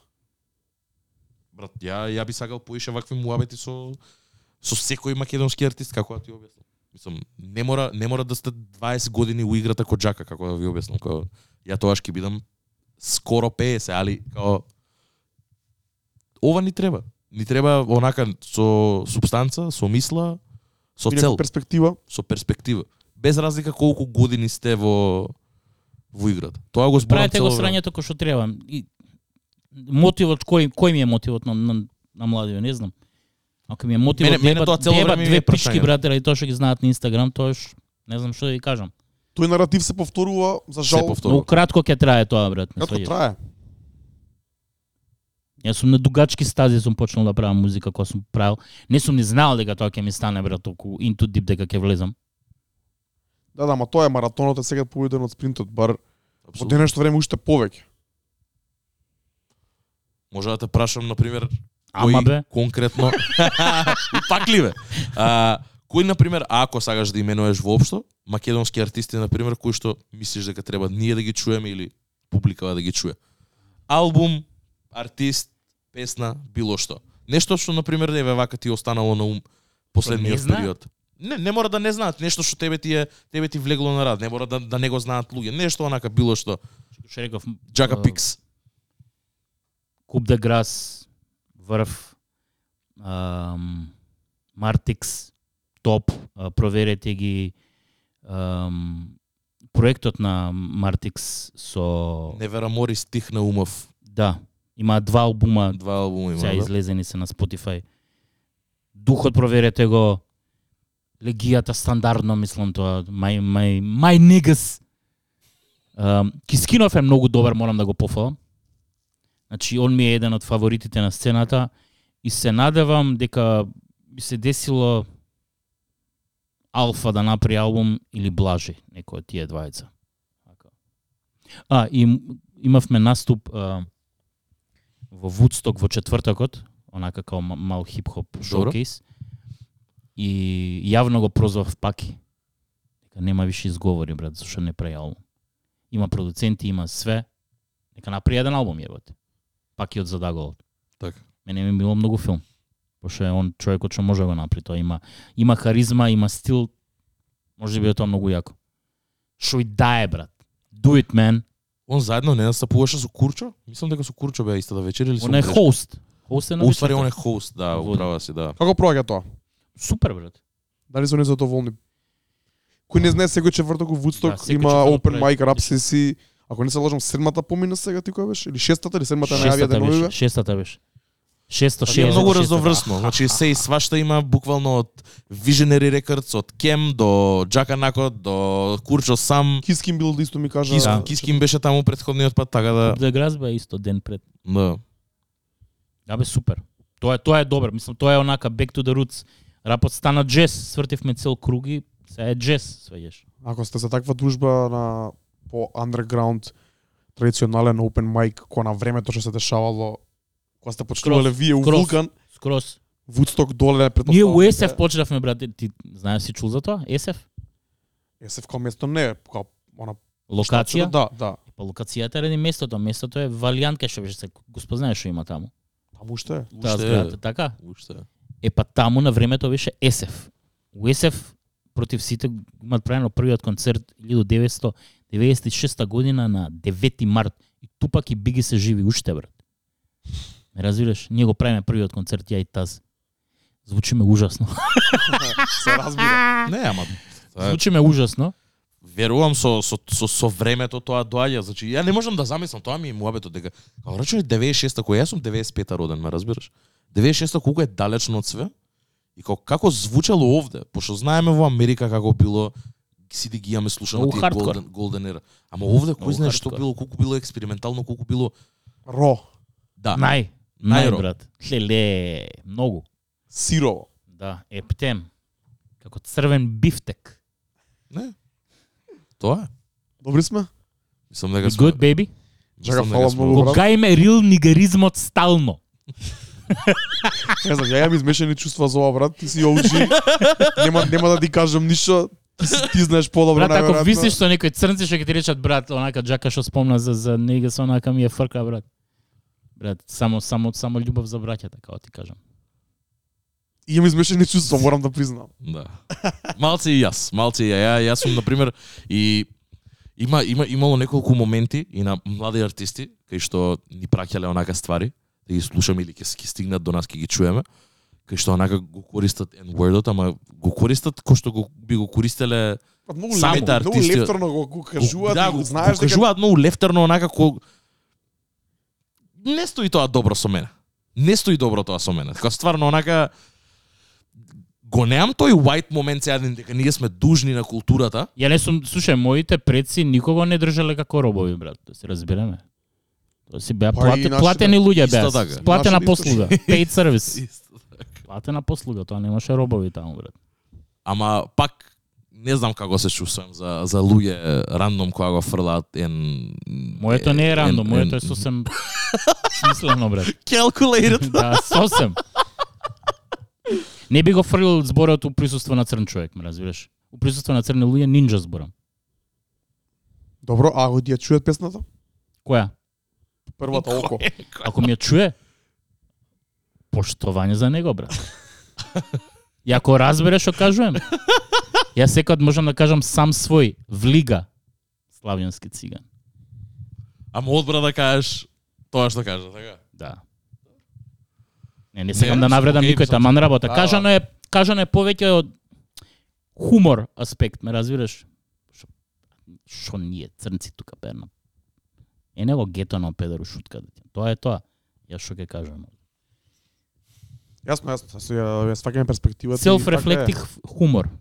Не, да, тоа можам да го сватам. немам зло намери, брат. Тоа можам да го сватам, ама пак она. А кога ќе го чуеш, као те, те запира као те и тоа рачувам дека вториот, третиот лајн е онака на албум што трае сати 16 Да, бе, да. минути треба да си тука ме разбира. Да, да.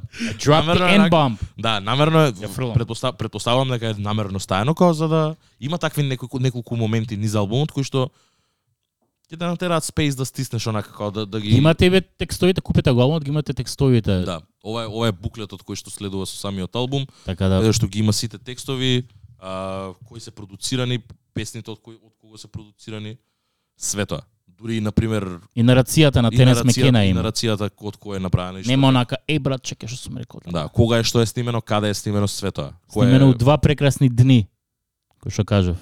Ете ги таму датумите ги има. Пропре како што треба. Да, да, да. Не, со датуми со све, дури има ствари што се Брус 2018 година, Да. тоа е Змаево гнездво. Сум дошол сум остал вокали, не биднало ништо со вокалите и поминало време, брат. Песната се направила, Брус ја направил, еј брат, ова кај диде? Дај за. Топ. Еден од гостите продуценти ми е Брус со таа песна, да. Така. Циник. Тоа е тоа. Бра! Жека, фала многу уште еднаш што доја брат. Фала што ми имавте. Многу ни е мило дека си тука. Искрено од срце ми е мило дека концертот помине како што помине. Поштуем. Згазив ме сине. Многу ми Леле. е мило и а, чекаме видео кога ќе биде. Ќе осетите на Инстаграм и на Фейсбук, ако не го укинат до тогаш. Се надевам дека Се нема. гледаме на TikTok, брат. Трајче? Тоа беше тоа од нас. До следна недела ќе не гледате мене и! Дарко. А, уште еднаш, и ја ќе ти кажам, огромно фала за што Поштој. дојде, што ни испоштува нас, а, што го имавме овој момент. А, и ете, се надевам дека ќе имаме уште многу вакви моменти со многу други артисти од нашава сцена. Може да го направиме муабето што кој што го правиме и да да збориме за стварите кои што ги збориме. Тоа е тоа. И е. Поздрав до пандата, пошто не е Исто така. расист, пошто е црно-бел, а е азијат. Racial neutral. да. He's like all races combined in one Реално. pair. Asian, black and white, тоа е. Чи. Јас одјавувам тоа. Се гледаме. Исто, чао, Поздрав. Чао. чао.